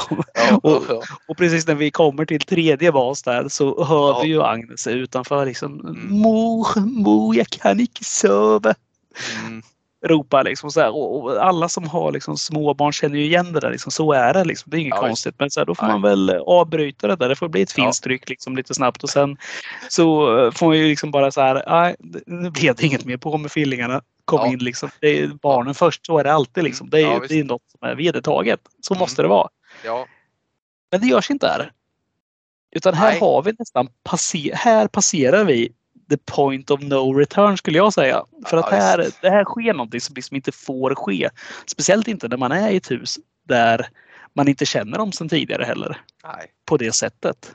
nej. Utan de fullföljer det här.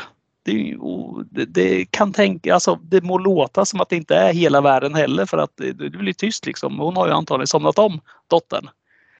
Men det blir Ja. jävligt obehagligt där. Du kan väl säga vad som händer där och förklara. Ja, alltså de fortsätter genom tredje bas eh, och låter eh, som sagt Agnes ropa för att sen tystna. Och när de sen går upp för att titta till Agnes så hittar de ju Agnes. Men i Patrik och Karins säng där de sover näck.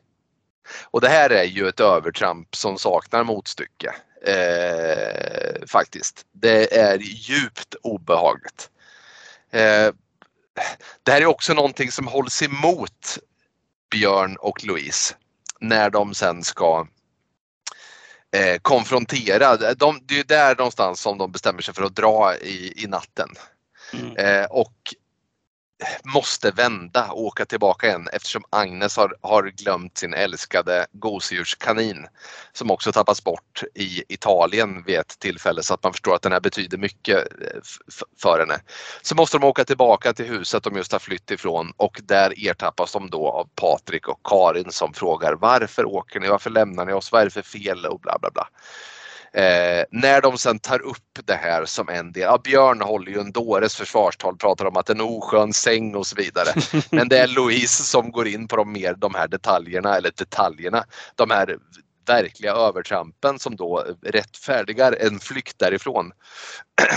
då så säger eh, Karin, ja men alltså Agnes grät och, och ropade på er i natten.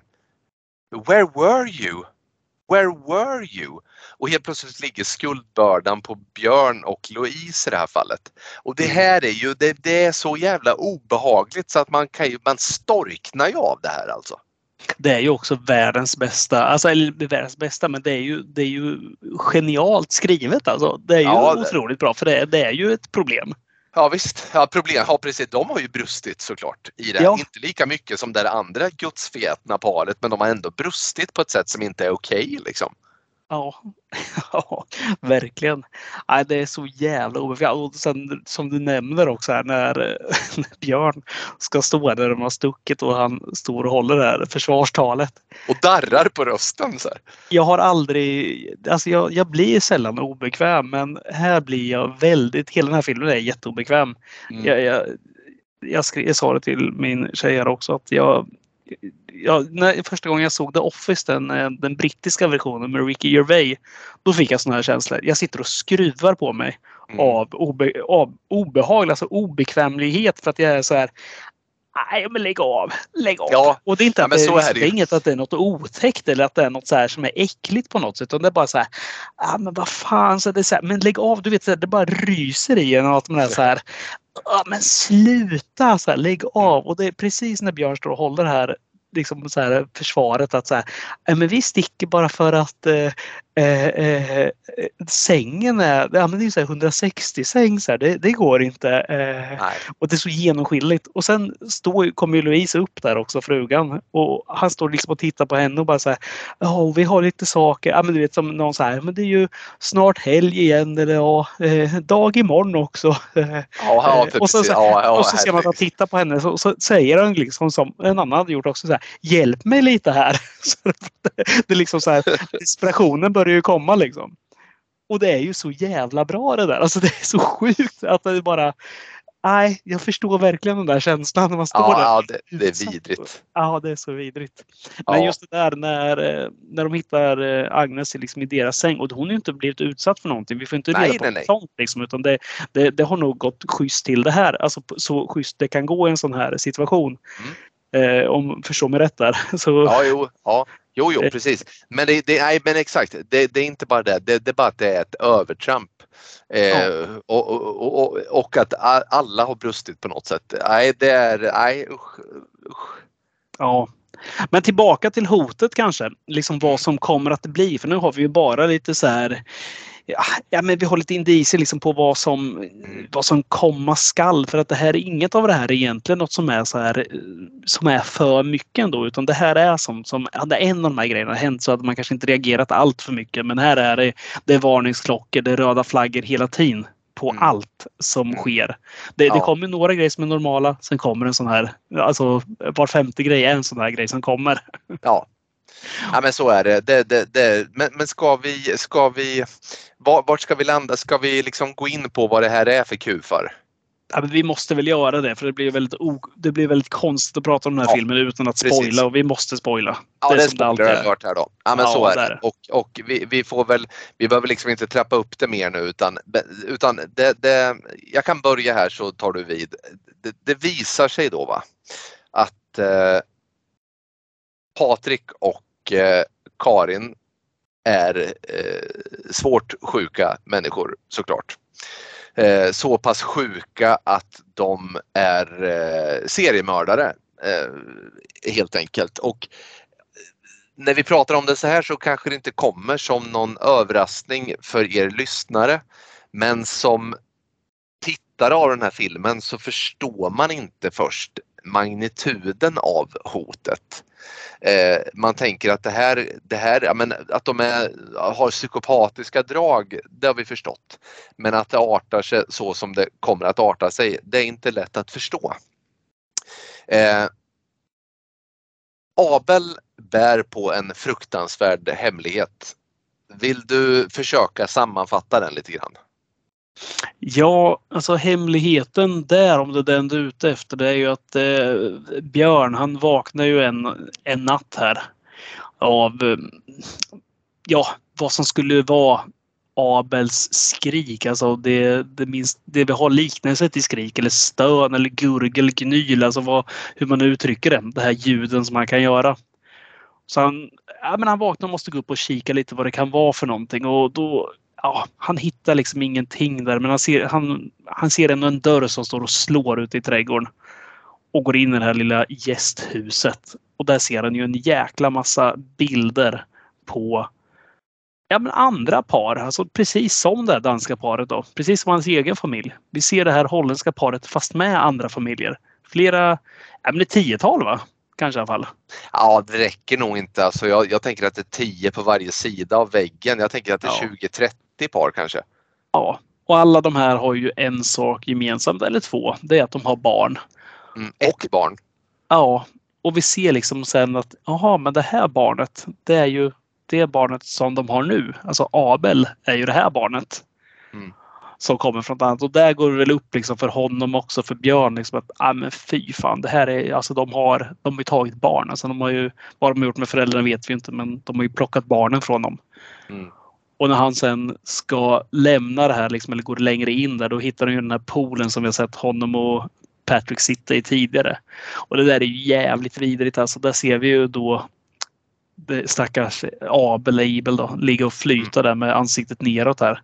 Det har ju Direkt. varit en scen, ja precis, det har ju varit en liten så här lite så här jippo där, så här, ett dansscen där eh, faktiskt Abel och Agnes eh, verkar ha haft det ganska kul tillsammans. Och haft mm. så här lite dansuppträdande. Eh, och det gick ju inte helt, det går inte helt bra där. Vi kanske kommer in på det med så minnesvärda scener där, men vi förstår kanske vad som har hänt och varför Abel ligger som han gör i den här poolen. Mm. Utan att försvara någon här. Men eh, det, det är vidrigt är det. Och här blir det ju verkligen, om det var förra gången var det Louise som ville sticka från, eh, från det här huset. Nu är det ju Björn som väcker familjen mitt i natten mm. och, mm. och nu drar vi. Mm. Ingenting, inga följdfrågor på det, utan vi, vi drar bara. Ja, det är inga konstigheter alls. Eller faktiskt så här, Louise frågar lite så här vart de ska och bla bla bla. Men inget så här, det är inget mer där utan nu, nu drar vi bara. Mm. Ja.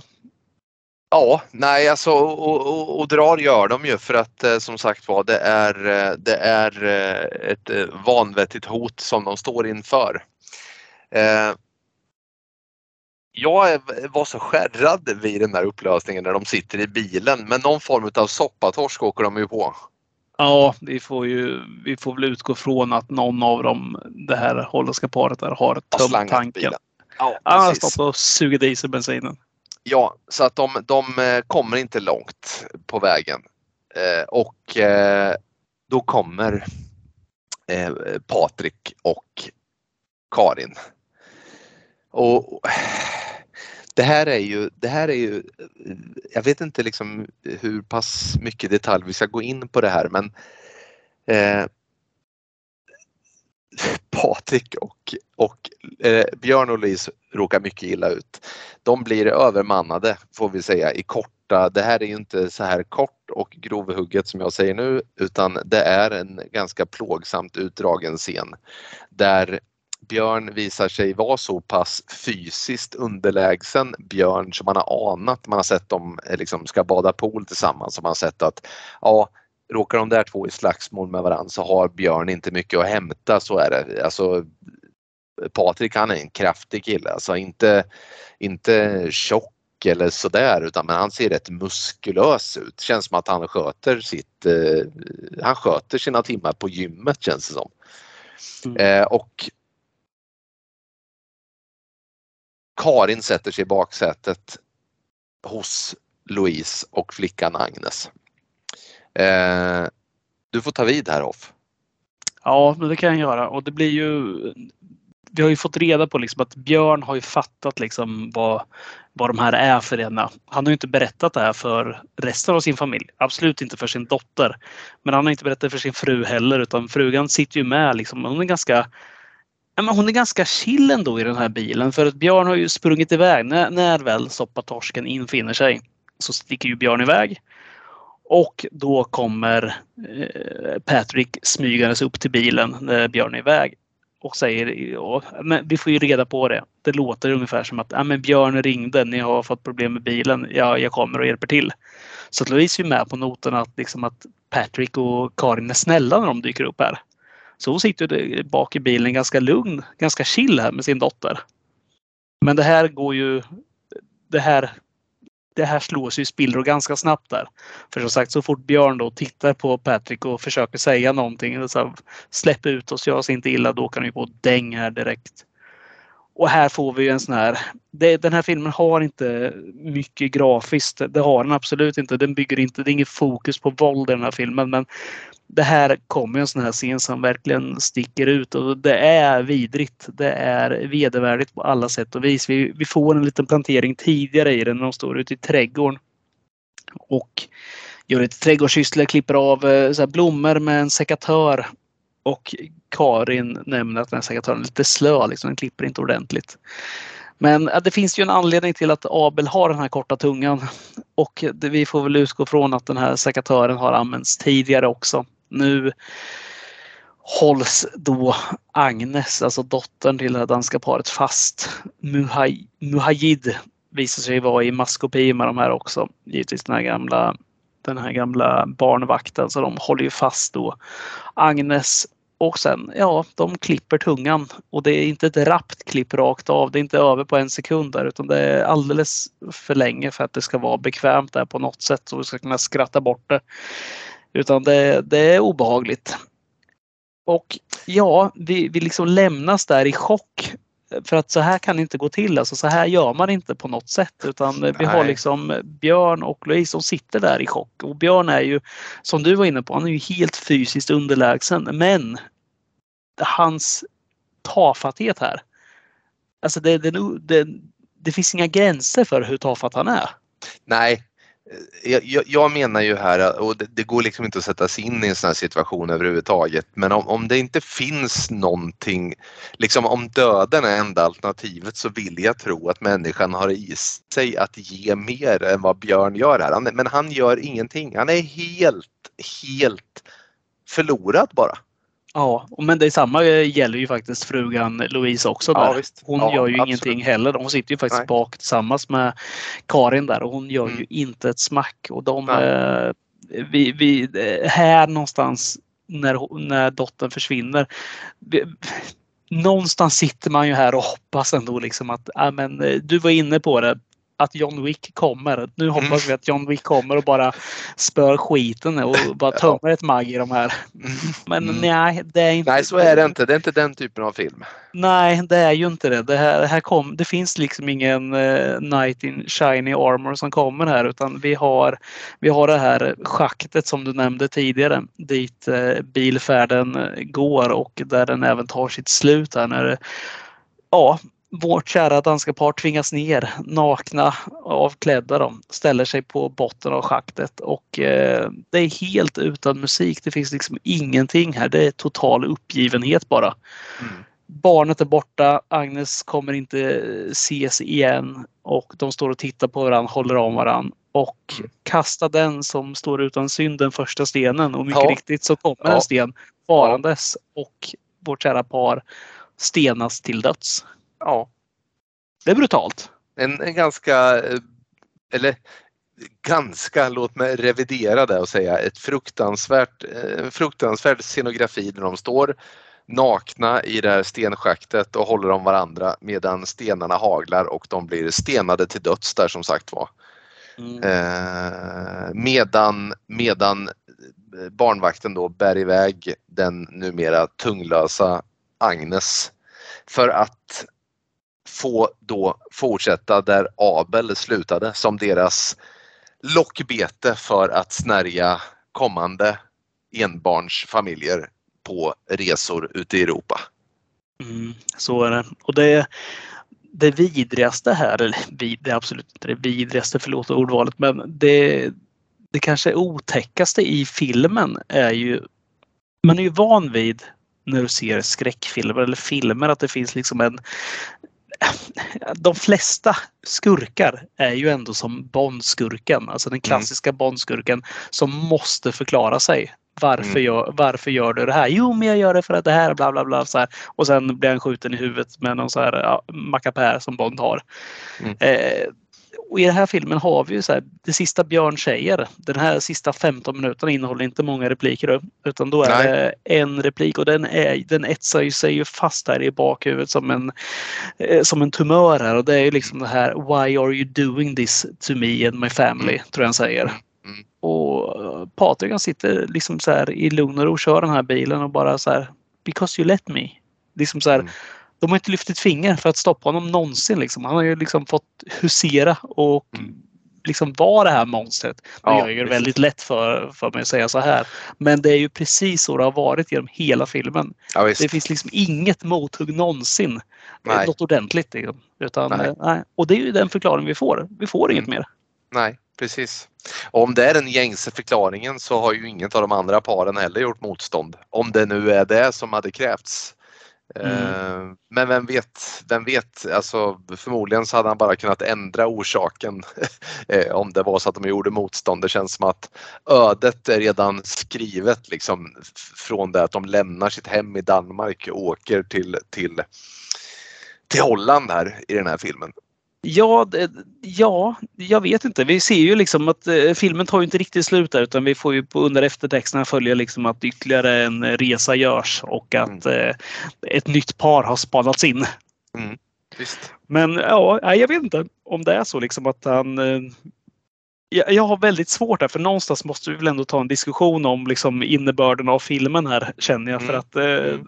det, jag, har, jag kan liksom inte bara släppa att det är så här. Nej, nej precis. Nej. Utan jag känner liksom just det blir mycket symbolik med vissa saker och jag känner liksom att eh, hade de bara sagt någonting, liksom bara så här tagit striden någon gång. Hade det liksom slutat så här då eller hade han liksom okej, men då ger vi upp. Liksom. Det, vi kommer inte döda er utan det, det är det här. För att jag tycker ändå liksom att den här döden som de går till mötes här, just på det sättet som det går till, just att de ska mm. stenas till döds. Ja, det, det finns ju någon form av symbolik känner jag. Ja, det, det, blir väl det här lite liksom att man har begått en synd på något sätt. Liksom, för att det, det känns verkligen som det. Att de, alltså, finns det såna här, är det så här enkelt liksom att ondska finns runt oss i alla dess former, alltså i så här vedervärdig form som det uppenbarligen är i den här filmen. Men att den liksom ändå är så pass kontrollerad att den kan Nej, men i det här fallet får jag då låta det vara. Liksom. Den är inte helt bara impulsiv hela tiden utan den är ändå kontrollerande och kan ändå göra avböj på det ibland. Så att, mm. nej, jag vet inte. Jag, jag, det är det som gör det så jävla otäckt på något sätt. Ja, alltså jag har faktiskt inte jag har mest varit, alltså, som tur är, den här filmen eh, såg jag inte idag, så man har hunnit smälta den lite. Utan jag är ju, det är ju också som bekant, jag är väldigt, alltså jag är väldigt känslig eh, när det kommer till film, alltså när det kommer till mesta. Jag är en känslig person, det ska jag säga. Och den här typen av film så här, drabbar mig så inåt helvete hårt och konstigt vore det annars, men jag far liksom, jag, jag far fysiskt illa och psykiskt illa såklart. Men jag, jag mår så jävla dåligt så, här, så att jag, jag har liksom svårt att hålla eh, tankarna skarpa vad gäller den här filmen. Men, men på något sätt så ja, visst eh, skulle det kunna vara en så här och så vi lever ju i en tid, vilket säkert alla har sagt i alla tider, men vi lever i en tid där det är mycket, man läser om mycket skit, man tar in mycket skit. Så här. Eh, att det som ibland kanske skulle behövas är att eh, folk vågar ställa sig upp så här och, och, och, att det är det som behövs. Men i det här fallet så, så, så drabbas vi av det här paret som är nog väldigt så här, du vet som, som den här vad ska vi, ska vi kalla det, individualistiska samtiden ändå är att man så ser efter sitt eget, vill inte stöta sig med någon, vill inte så här, och att det är där i liksom den här synden då som förtjänar steningen och där ödet ska mynna ut i. Jag vet inte. Nej, nej jag är nog med på den banan eh, som du är inne på där. Men du, eh, innan du får ge några korta ord då, om filmen. Eller gör så här. Nämn någon scen som du tycker är för jävla dålig eller något som du tycker faktiskt är riktigt bra. Minnesvärda scener. Ja, men jag hade faktiskt tänkt eh, jag kanske snor den från dig nu, men det, för du nämnde den lite förut, men jag måste ta den ändå för det är den scenen som jag har eh, planerat lite för. Det är ju när Agnes och Abel då ska ha den här lilla ja, det kallas line dance va? När sådana här mm. cowboysar som du vet stampar i, i marken och snurrar runt och sådär. De ska ha en liten dansuppvisning för de här två paren. Och ah, Abel, han eh, hänger ju inte med riktigt liksom. Och han blir jäkligt hårt ansatt av Patrik som kräver att de ska dansa om igen och att även Agnes ska dansa om igen och att det liksom det blir jävligt obehagligt där också. Den här penalistiska sidan hos Patrik börjar verkligen lysa igenom. Och även här så, så, så gör inte Björn någonting ordentligt. Han, han ställer sig upp och tar stereon och trycker av musiken. Men även där darrar han på rösten. Han, han liksom kan inte ens säga ifrån. Han kan inte ens försvara ett barn. Han kan inte ens försvara sitt eget barn som också eh, liksom krävs av att hon ska dansa fast hon inte vill. Eh, alltså där är nästan Björn som allra ynkligast i hela filmen på ett sätt. Och, och, och ja, säga vad man vill där lite men jag, jag, mm, jag Björn är så pass ynklig att det är Ja, det är klart att de presenterar det i absurdum, men Björn är jävligt ynklig. Han blir, han, man känner igen sig i honom från början, men sen blir han så ynklig så jag vill inte tro att någon skulle vara så ynklig och, och patetisk som han blir. Mm. Nej, men så, så är det ju verkligen. Men jag tycker ändå de lägger det på den på en rimlig nivå. Alltså det blir ändå inte hur fan ska man säga det här? Men Nej, det blir inte löjeväckande. Man, Nej, man förstår att han är, ju, han är ju patetisk. I sin värld så är ja. han rationell såklart. Men han är ju patetisk liksom. Verkligen, verkligen. Nej, den är, den är stark den scenen och jävlar vad obekvämt det är alltså när man sitter där och kollar och man blir ju, man sitter med en knuten näve där. Alltså man själv har barn och bara så här, men sluta nu din jävla ditt vide. Ja, precis. Ja. Det, är sällan, alltså jag, det är sällan i filmer, vi brukar prata om det, så hur mycket man investerar känslor liksom i det eller hjärta. Liksom, men eh, det, det, är sällan man sitter så och reagerar liksom med ilska nästan ja, men, och bara sitter ja, och bara så här, håller, håller tag i, i stolen man sitter i. Liksom bara så här, men för fan! Så här.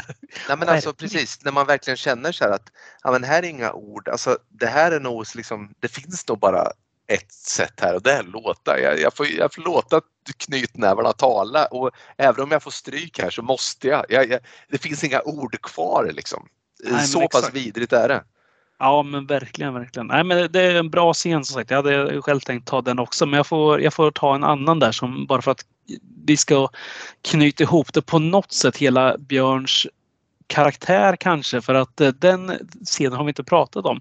Det är faktiskt i början där och eh, det här kanske är någonting som också som som får varför de här blir valda också kan jag tänka mig nu när jag tänker efter lite. Vi har ju den här Ninus heter han va? Den här lilla kanindockan mm. som Agnes har då, som blir eh, kvarglömd hemma hos det här holländska paret som när de försöker sticka första gången som gör att de måste tillbaka igen Mm. Vilket är helt sjukt att man åker tillbaks i det här fallet. Det hade Ja. inte funnits på kartan. Nej, Och det när man är så spak som eh, Björn är.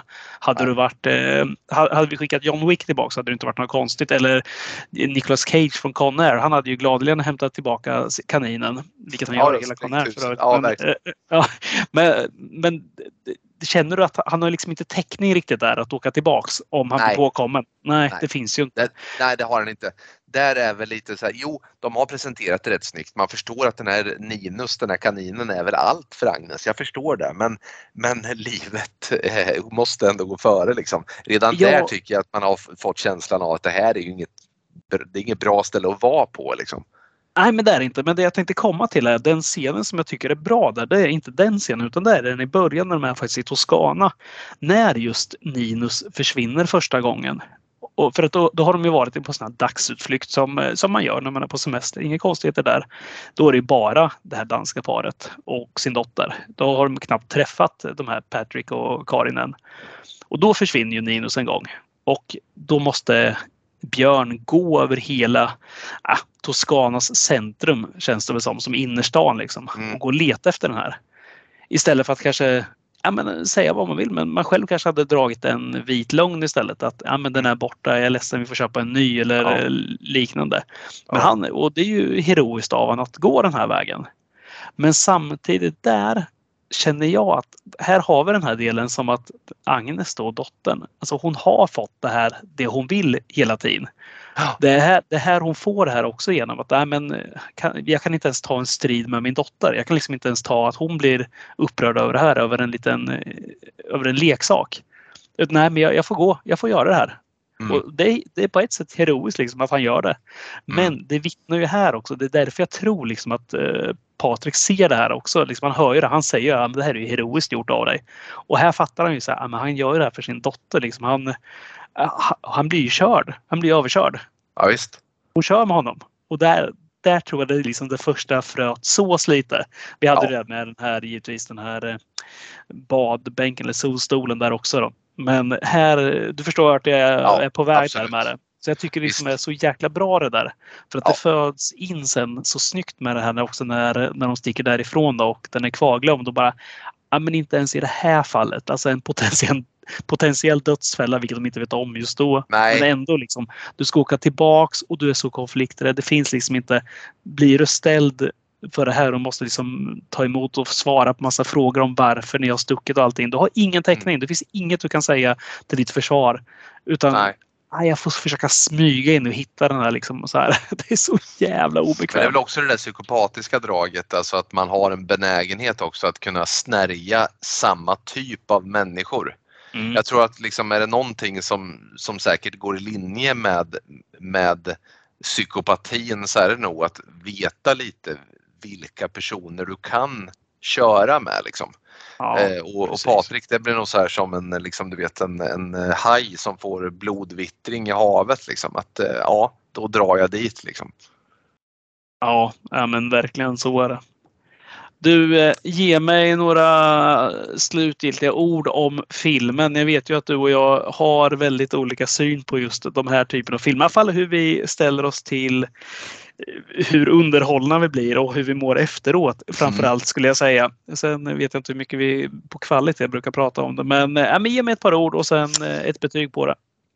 Ja, nej men alltså det blir ju djupt komplext i den här typen av filmer och det är lite som den här Det oskyldiga som vi pratade om där. Att liksom, det råder ju inga som helst tvivel om att det här är en nagelbitarfilm. Alltså den är otroligt skickligt eh, genomförd. Det finns inte en död sekund i den här filmen utan man är fullständigt investerad hela vägen. Och det är bra. Alltså, och, och, och, och obehagligt får det gärna vara på film. Eh, självklart, så här, allt ska inte vara popcornunderhållning, absolut inte. Eh, men, men, men, någonstans så, så är det den här balansgången igen. Alltså, jag, jag tycker väl att så här, det finns ju massor filmer som är slutar, alltså det, ursprungligen så finns det egentligen bara två genrer om man verkligen tar det tillbaka till, till liksom i, i historien så fanns det tragedi och det fanns komedi. Och allting hade att göra med hur verket slutade. Var det ett olyckligt slut så var det en tragedi. Var det ett lyckligt slut så var det en komedi oavsett hur eh, filmen hade varit i övrigt. Och det här får vi då kalla, med, med, den, med den så att säga Eh, men, med, det det ramverket så är det här eh, onekligen en tragedi. Och det finns många tragedier som ändå lyckas vara bitterljuva. Det finns ändå liksom det finns ändå någonting att, att eh, ta fasta på liksom som på något sätt för den framåt och som får den att känna att ja, men, världen är inte en så dum plats ändå kanske. Det finns ljusglimtar liksom. Men det, men det finns inte här utan det, det är, det är kolsvart. Eh, och, och, i min personliga smak, alltså jag, jag gillar inte att må så här dåligt. Världen en, har nog med sin skit. Det finns tillräckligt med skit ändå liksom. Eh, men jag förstår samtidigt så här, det blir väl någon form av subjektiv grej i slutet och ändå i slutändan att, eh, att ehm, jag kan förstå liksom att man, att man ser det på ett annat sätt men personligen så, så kan jag inte göra det riktigt. Det, det, det liksom är, det är allt för mörkt och det är allt för, för det, blir, det blir liksom för mycket vedervärdigheter för att jag ska palla mentalt. Liksom.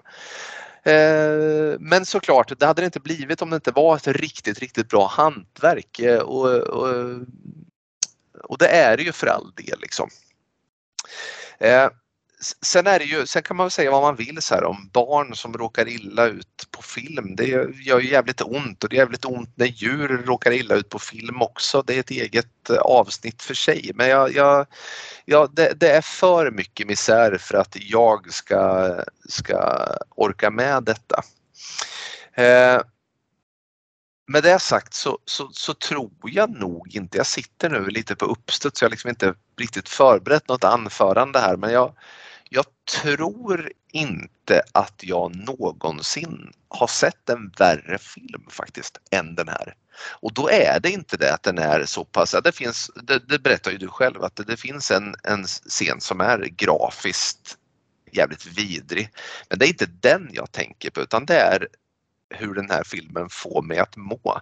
Jag har till och med sett den här Sod, eh, vad heter den, Sodom, vad fan heter den här? Salo. Vet, ja, Salo, eh, den här eh, fascistiska liksom jävla tortyrfilmen. Inte ens den eh, kan mäta sig med den här för mig. Den här tog sig verkligen in under huden på mig. Så på ett sätt så är den här filmen fem. Eh, men, men men utifrån vad film innebär för mig så är den två. Så att det är någonstans en trea eller en fyra som blir någon slags snittvärde. Men jag vill ändå så här, jag vill varna för den här filmen. Jag, för jag tror verkligen inte att det här är inget som alla ska se. Eh, men samtidigt så här, hantverksmässigt och med så här pass låg budget och med, med vad nu regissören hade i åtanke så tror jag inte att den kan bli mycket bättre. Så det blir ett ambivalent betyg som det brukar bli på de här eh, filmerna och det är väl som det ska antar jag. vad säger du själv? Jag tycker du summerar det bra där. Jag, jag är ju den första som... Men, men vi, har ju, vi har ju väldigt motsatta eh, Eh, åsikter gällande sådana här filmer, det vet jag. Alltså, och det, det, tror jag liksom, det handlar nog, alltså jag blir också illa berörd av de här filmerna. Sen, jag vet inte vad det är men någonstans måste jag liksom försöka, jag, jag vill ha ett svar på saker. Jag, jag, jag kan köpa öppna slut sånt men jag, jag, tycker väldigt mycket om att ha ett svar på varför folk agerar som de gör. Och annars blir jag, så här, då blir jag väldigt intresserad av liksom att försöka förstå varför varför de gör om man inte får förklaringen. Förstår vad jag menar? Där? Alltså då, då uppstår en massa frågor i skallen istället mm. efter man har sett klart det. Och då, när, när jag hade sett klart den här så satt jag där eh, som jag skrev till det, så det var som ett jävla knytnävsslag i magen. Jag mådde också piss alltså det, det första, som jag sa, nu skrattar det låter rätt hemskt, men så här, det, då, det första jag skrev till dig var att jag måste hitta mina barn snabbt här och ge dem en kram för att eh, så illa var det. Och det, det, för mig är det illa. Alltså när jag ser en film och det får mig att liksom känna så. Det gör det, det i stort sett aldrig för att eh, film är film för mig. Det, är liksom, det tar inte... Det, ja, men det smärtar mig sällan längre än några minuter. Men den här, den här etsar sig fast, som, eller biter sig fast som en jävla fästing med, med ebola eller någonting och det är vidrigt. Men eh, samtidigt så, så tycker jag liksom att det är intressant där med de här Alltså de här mördarna, varför de gör som de gör, de här karaktärerna som liksom inte kan eh, hantera konflikt och det, det har nog att göra med min egen konflikträdsla misstänker jag. För att liksom jag känner igen mig så väl i den här och han blir ju väldigt patetisk där. Mm, var jag tvungen att fråga min sambo igen, nu har hon nämnt tre gånger det här, men bara, är jag sån här också? Nej, men du har liksom en gräns där, där jag vet att här kommer du bryta in. Och det var ju skönt att höra det för att det har varit väldigt tråkigt att vara björn resten av livet här och ha den stämpeln. Men, Fan, vilket jävla öde ärligt talat. Ja, det, det hade varit ett jävla öde, men jag tycker liksom ändå sen när man sitter och kollar på den liksom, och ställer sig själv frågan liksom, vad, vad är man villig liksom att ge upp för att kanske bibehålla någon slags skepnad av artighet liksom, gentemot den eh, värld man är hos. Liksom. Var, var går gränsen liksom, för vad jag tillåter andra att eh, böja eller bryta? Liksom, vilka av mina gränser kan de göra det med? Och, och, så här, och vilka, liksom, vilka aggressioner kan jag hålla inne med? Alltså vad låter jag bara passera? Och, och, och det blir den här filmen känns fan spot on på liksom hur många av oss, kanske just nordbor, kanske just svenskar som de är poängterar faktiskt i filmen också, hur vi ignorerar liksom just många så röda flaggor som vi ser liksom för att eh, hur folk uttrycker sig och hur de agerar för att vi ja, men, eh, någonstans alltså ganska högt upp i vad vi tror på är liksom att man gör inte vi vill inte göra någon obekväm. Liksom. Vi vill inte stöta oss med dem. Vi vill liksom bara ja, men vi, vi vill inte skapa dålig stämning. Men liksom, hur långt är man beredd att gå för att, för att göra någon annan bekväm liksom, på sin egen bekostnad? Där tycker jag den här filmen liksom är helt magnifikt bra på det. Sen det här i slutet, om jag ska vara ärlig så är det faktiskt det sämsta i filmen. Det här när tungan ryker och de blir stenade. För att det, det är ett slut som är, det kunde ha slutat på något annat sätt. De hade kunnat bli skjutna i bilen eller något annat bara. Det, det här grafiska, det, det, är mer, det är ett chockvärde. Det fyller liksom ingen jättefunktion mer än att den här lilla tjejen nu kanske inte kommer någonsin kunna ifrågasätta. Hon kommer liksom aldrig kunna göra det här som, som Björn inte heller kan då. Hon blir ju liksom en slav nu bara. Men nej, men jag, jag tycker den här filmen var för jävla bra. Men den, den, den tickar också in alla parametrar i, i sådana här filmer som jag gillar. Precis som Killis som också är nattsvart. Eller som det, det, det oskyldiga som du nämnde nu som jag också tyckte var jättebra.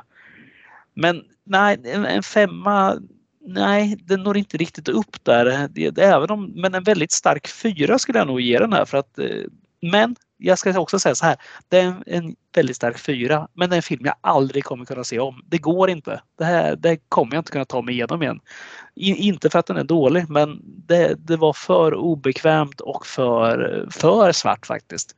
För att jag ska kunna göra det. Men det, den kommer alltid komma sig ihåg där. Och, och den hade faktiskt en scen som jag faktiskt tyckte var nu något slags ljus faktiskt i den hela. Och det, då tänkte jag på Garden State. Kommer du ihåg Garden State av mm. Zach Braff? Mm. Den har en scen när det regnar, en jävligt fin scen. Han, han är ju också en sån här som, eh, som sitter inne med väldigt mycket underbyggd ilska kanske och liksom inte har lätt att få ur sig. Då går han till det här stenbrottet där också faktiskt. Tillsammans med Peter Sarsgaard, skådespelaren, jag kommer inte ihåg vad han heter i filmen. När de ställer sig och skriker tillsammans med Natalie Portman. Mm. Står där i sina gula regnställ, ser ut som Georgie i It och står och skriker ja, ut all sin ilska, allting som finns inom sig liksom bara rakt ut. Och det gör de faktiskt exakt samma sak i den här filmen. Det är nästan mm. som att de har lånat det rakt av. Men där ja, kände verkligen. jag att det var en riktigt bra scen också. För annars skulle jag lyft förut men det, där kände jag vilket skådespeleri det var. Dels av Björn, det, sen tycker jag den här som spelar just Patrick, vad han nu mm. heter, mm. är för jävla bra skådis. Han ja. är så obehaglig. Men i den ja. scenen när han får med sig Björn Och man märker att ja, men det här är ju Björn, han vill ju vara sån här. Eller visst. mer åt det här hållet. Mm. Nej, då, då var det ändå lite ljus där. Sen, sen var det inte mycket batteri i den där ficklampan utan det återgick ju till mörkret direkt efteråt. Ja. Men, Ja men, Ah. ja, men så är det ju. Och, men, och, ja, ja, men jag håller med dig. ja, nej, det, det var, det var min, mina små ord om den.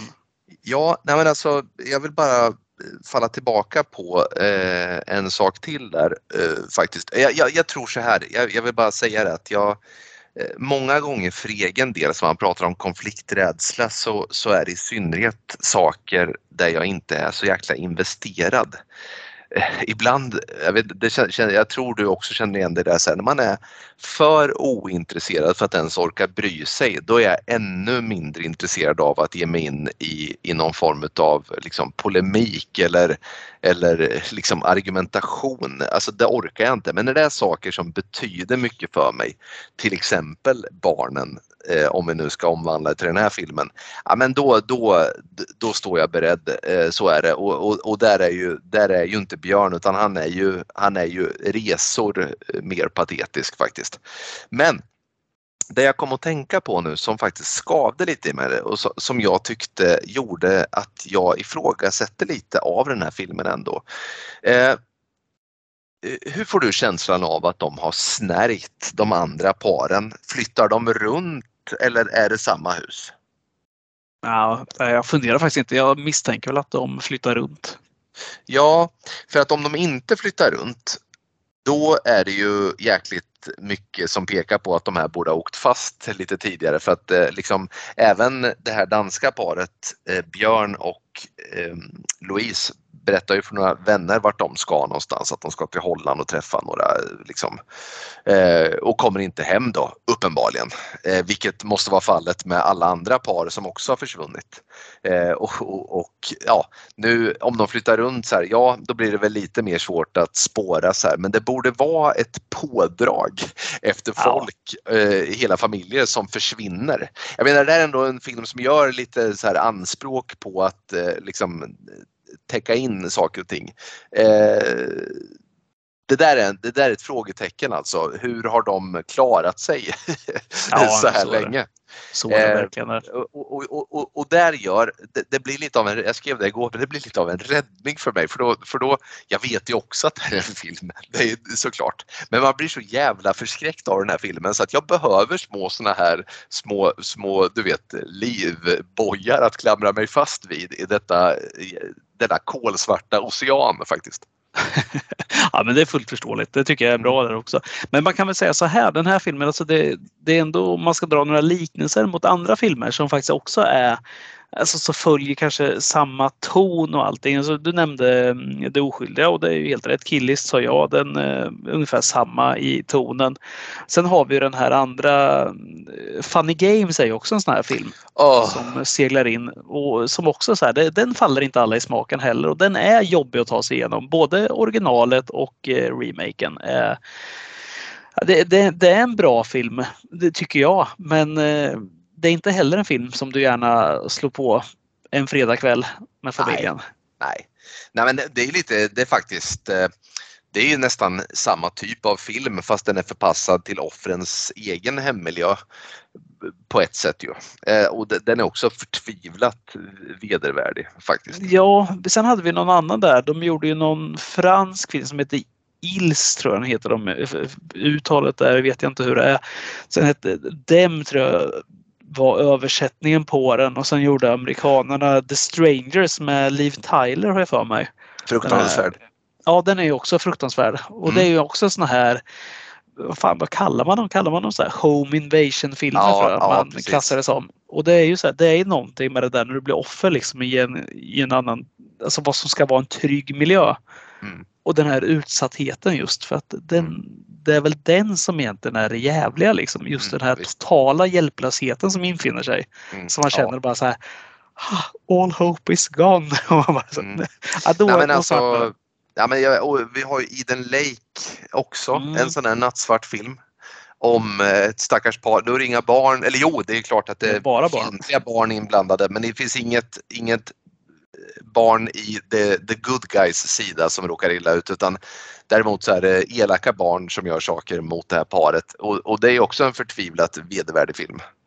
Ja, där, där tänder de ju även eld på ett annat barn också Mm. i en sån här mexikansk bilringsavrättning, vilket är Ja.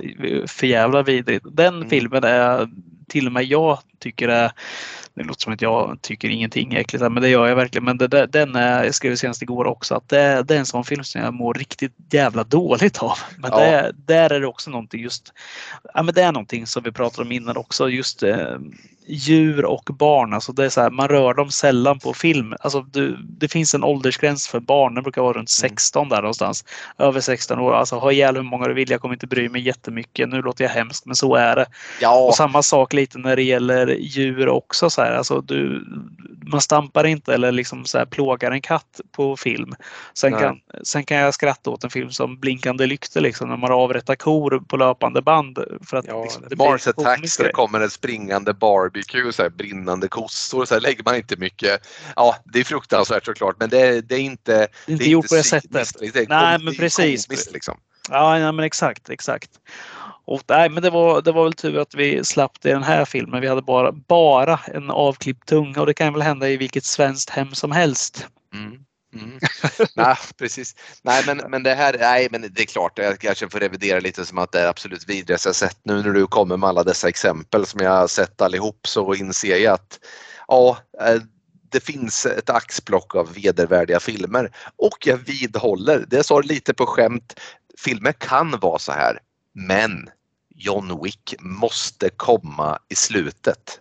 Annars så, så, så blir jag så här sorgsen. Han kanske kom i slutet när jag såg den. Ja, varför inte? Nej, men som sagt, Speak No Evil. Passa dig, du som lyssnar. Annars Men ryker tungan. stark? Ja, annars, annars så, så ryker tungan. Nej, men, men ehm, som sagt var, se upp för den här filmen. Men är du luttrad så se den såklart, för den är ju i sitt utförande en mycket bra film. Det är den. Men nu, då har vi kommit till punkten då vi presenterar vad vi ska se nästa vecka. Mm. Eller näst nästa vecka, när det nu blir. Vi närmar oss ju sommarlov för oss också, eller ledighet. Mycket skönt. Vilket är väldigt skönt. Vi har ju ja, men Conjuring Verse. Vi är ju inne där fortfarande. Mm. Nästa vecka ska vi helt enkelt se La Lorma Borma, också kallad eh, The Curse of La Lorma. Heter den så? La Lor vad heter den här filmen? Se. Lorna. Och det är så väldigt skönt. Vet du vad? Det är lite kontrasten när vi, när vi, nu är det inte jag som har valt den här, det är ju Conjuring Verse här nu.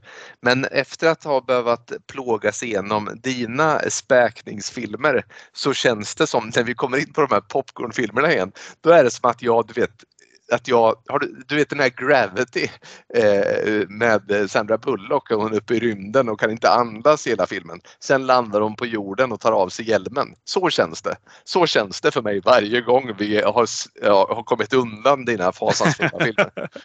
Ja, under tiden du ser dem är det George Clooney då istället. Chippar Ja, efter annan där och försvinner Ja, ut och i nattens mörker. ja, försvinner, ja, eller försvinner mot solen för det är väl där han är på väg på tal om nu att bli ja, grillad. Ja, tråkigt, tråkigt slut för George där. Mm. Han har inget att hämta. Nej, men det blir väl bra. Då ska vi se alltså den här. Är det en spansktalande Conjuring? Eller är det en? Jo, men det är den va? Ingen Eller- aning faktiskt. Den Skitsamma. har jag inte sett. Min, mina förväntningar på den är inte skyhöga, men det, är- det är så som det ska vara. Då Mm. kan det bara bli bättre. Jag Mm. har bara hört skit om Curse Jag också. Jag också. Och det Ja, ja. är så här vedervärdigt att behöva se Ja. den. Men- det är det roligt. Ja, Ja, det, det gör det. Det gör det verkligen. Men, men det, det blir kul. Vi, vi ska kämpa oss igenom den här. Så, Ja, det ska den vi här eh, franchisen. Som vi så gärna gör. Ja, sen, eh, sen ska du få välja film efteråt. Mm. Och det och blir då kul. är det en film som eh, jag väljer åt dig då. Ja, men precis. Det var ju det. Vi körde ju det här nya. Vi kan väl ta det en gång till där. Att Mm. nya eh, taken på det här när vi väljer film är att Förlåt, ska vi säga så nya taken? Säger du det? nya, take, nya taken med Liam Neeson. Ja. Nej, men nya tagningen på det här hur vi väljer film då är att eh, den ena av oss önskar någonting. Alltså man får, man får kasta in lite olika, som ett recept egentligen. Alltså man kastar in två eller tre eller fyra, hur många ingredienser man nu vill utan att det liksom...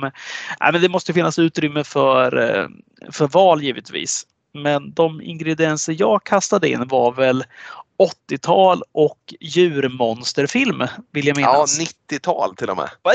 90-tal till och med. Fan! Mm. Ja, ja, men Mm. det är bra.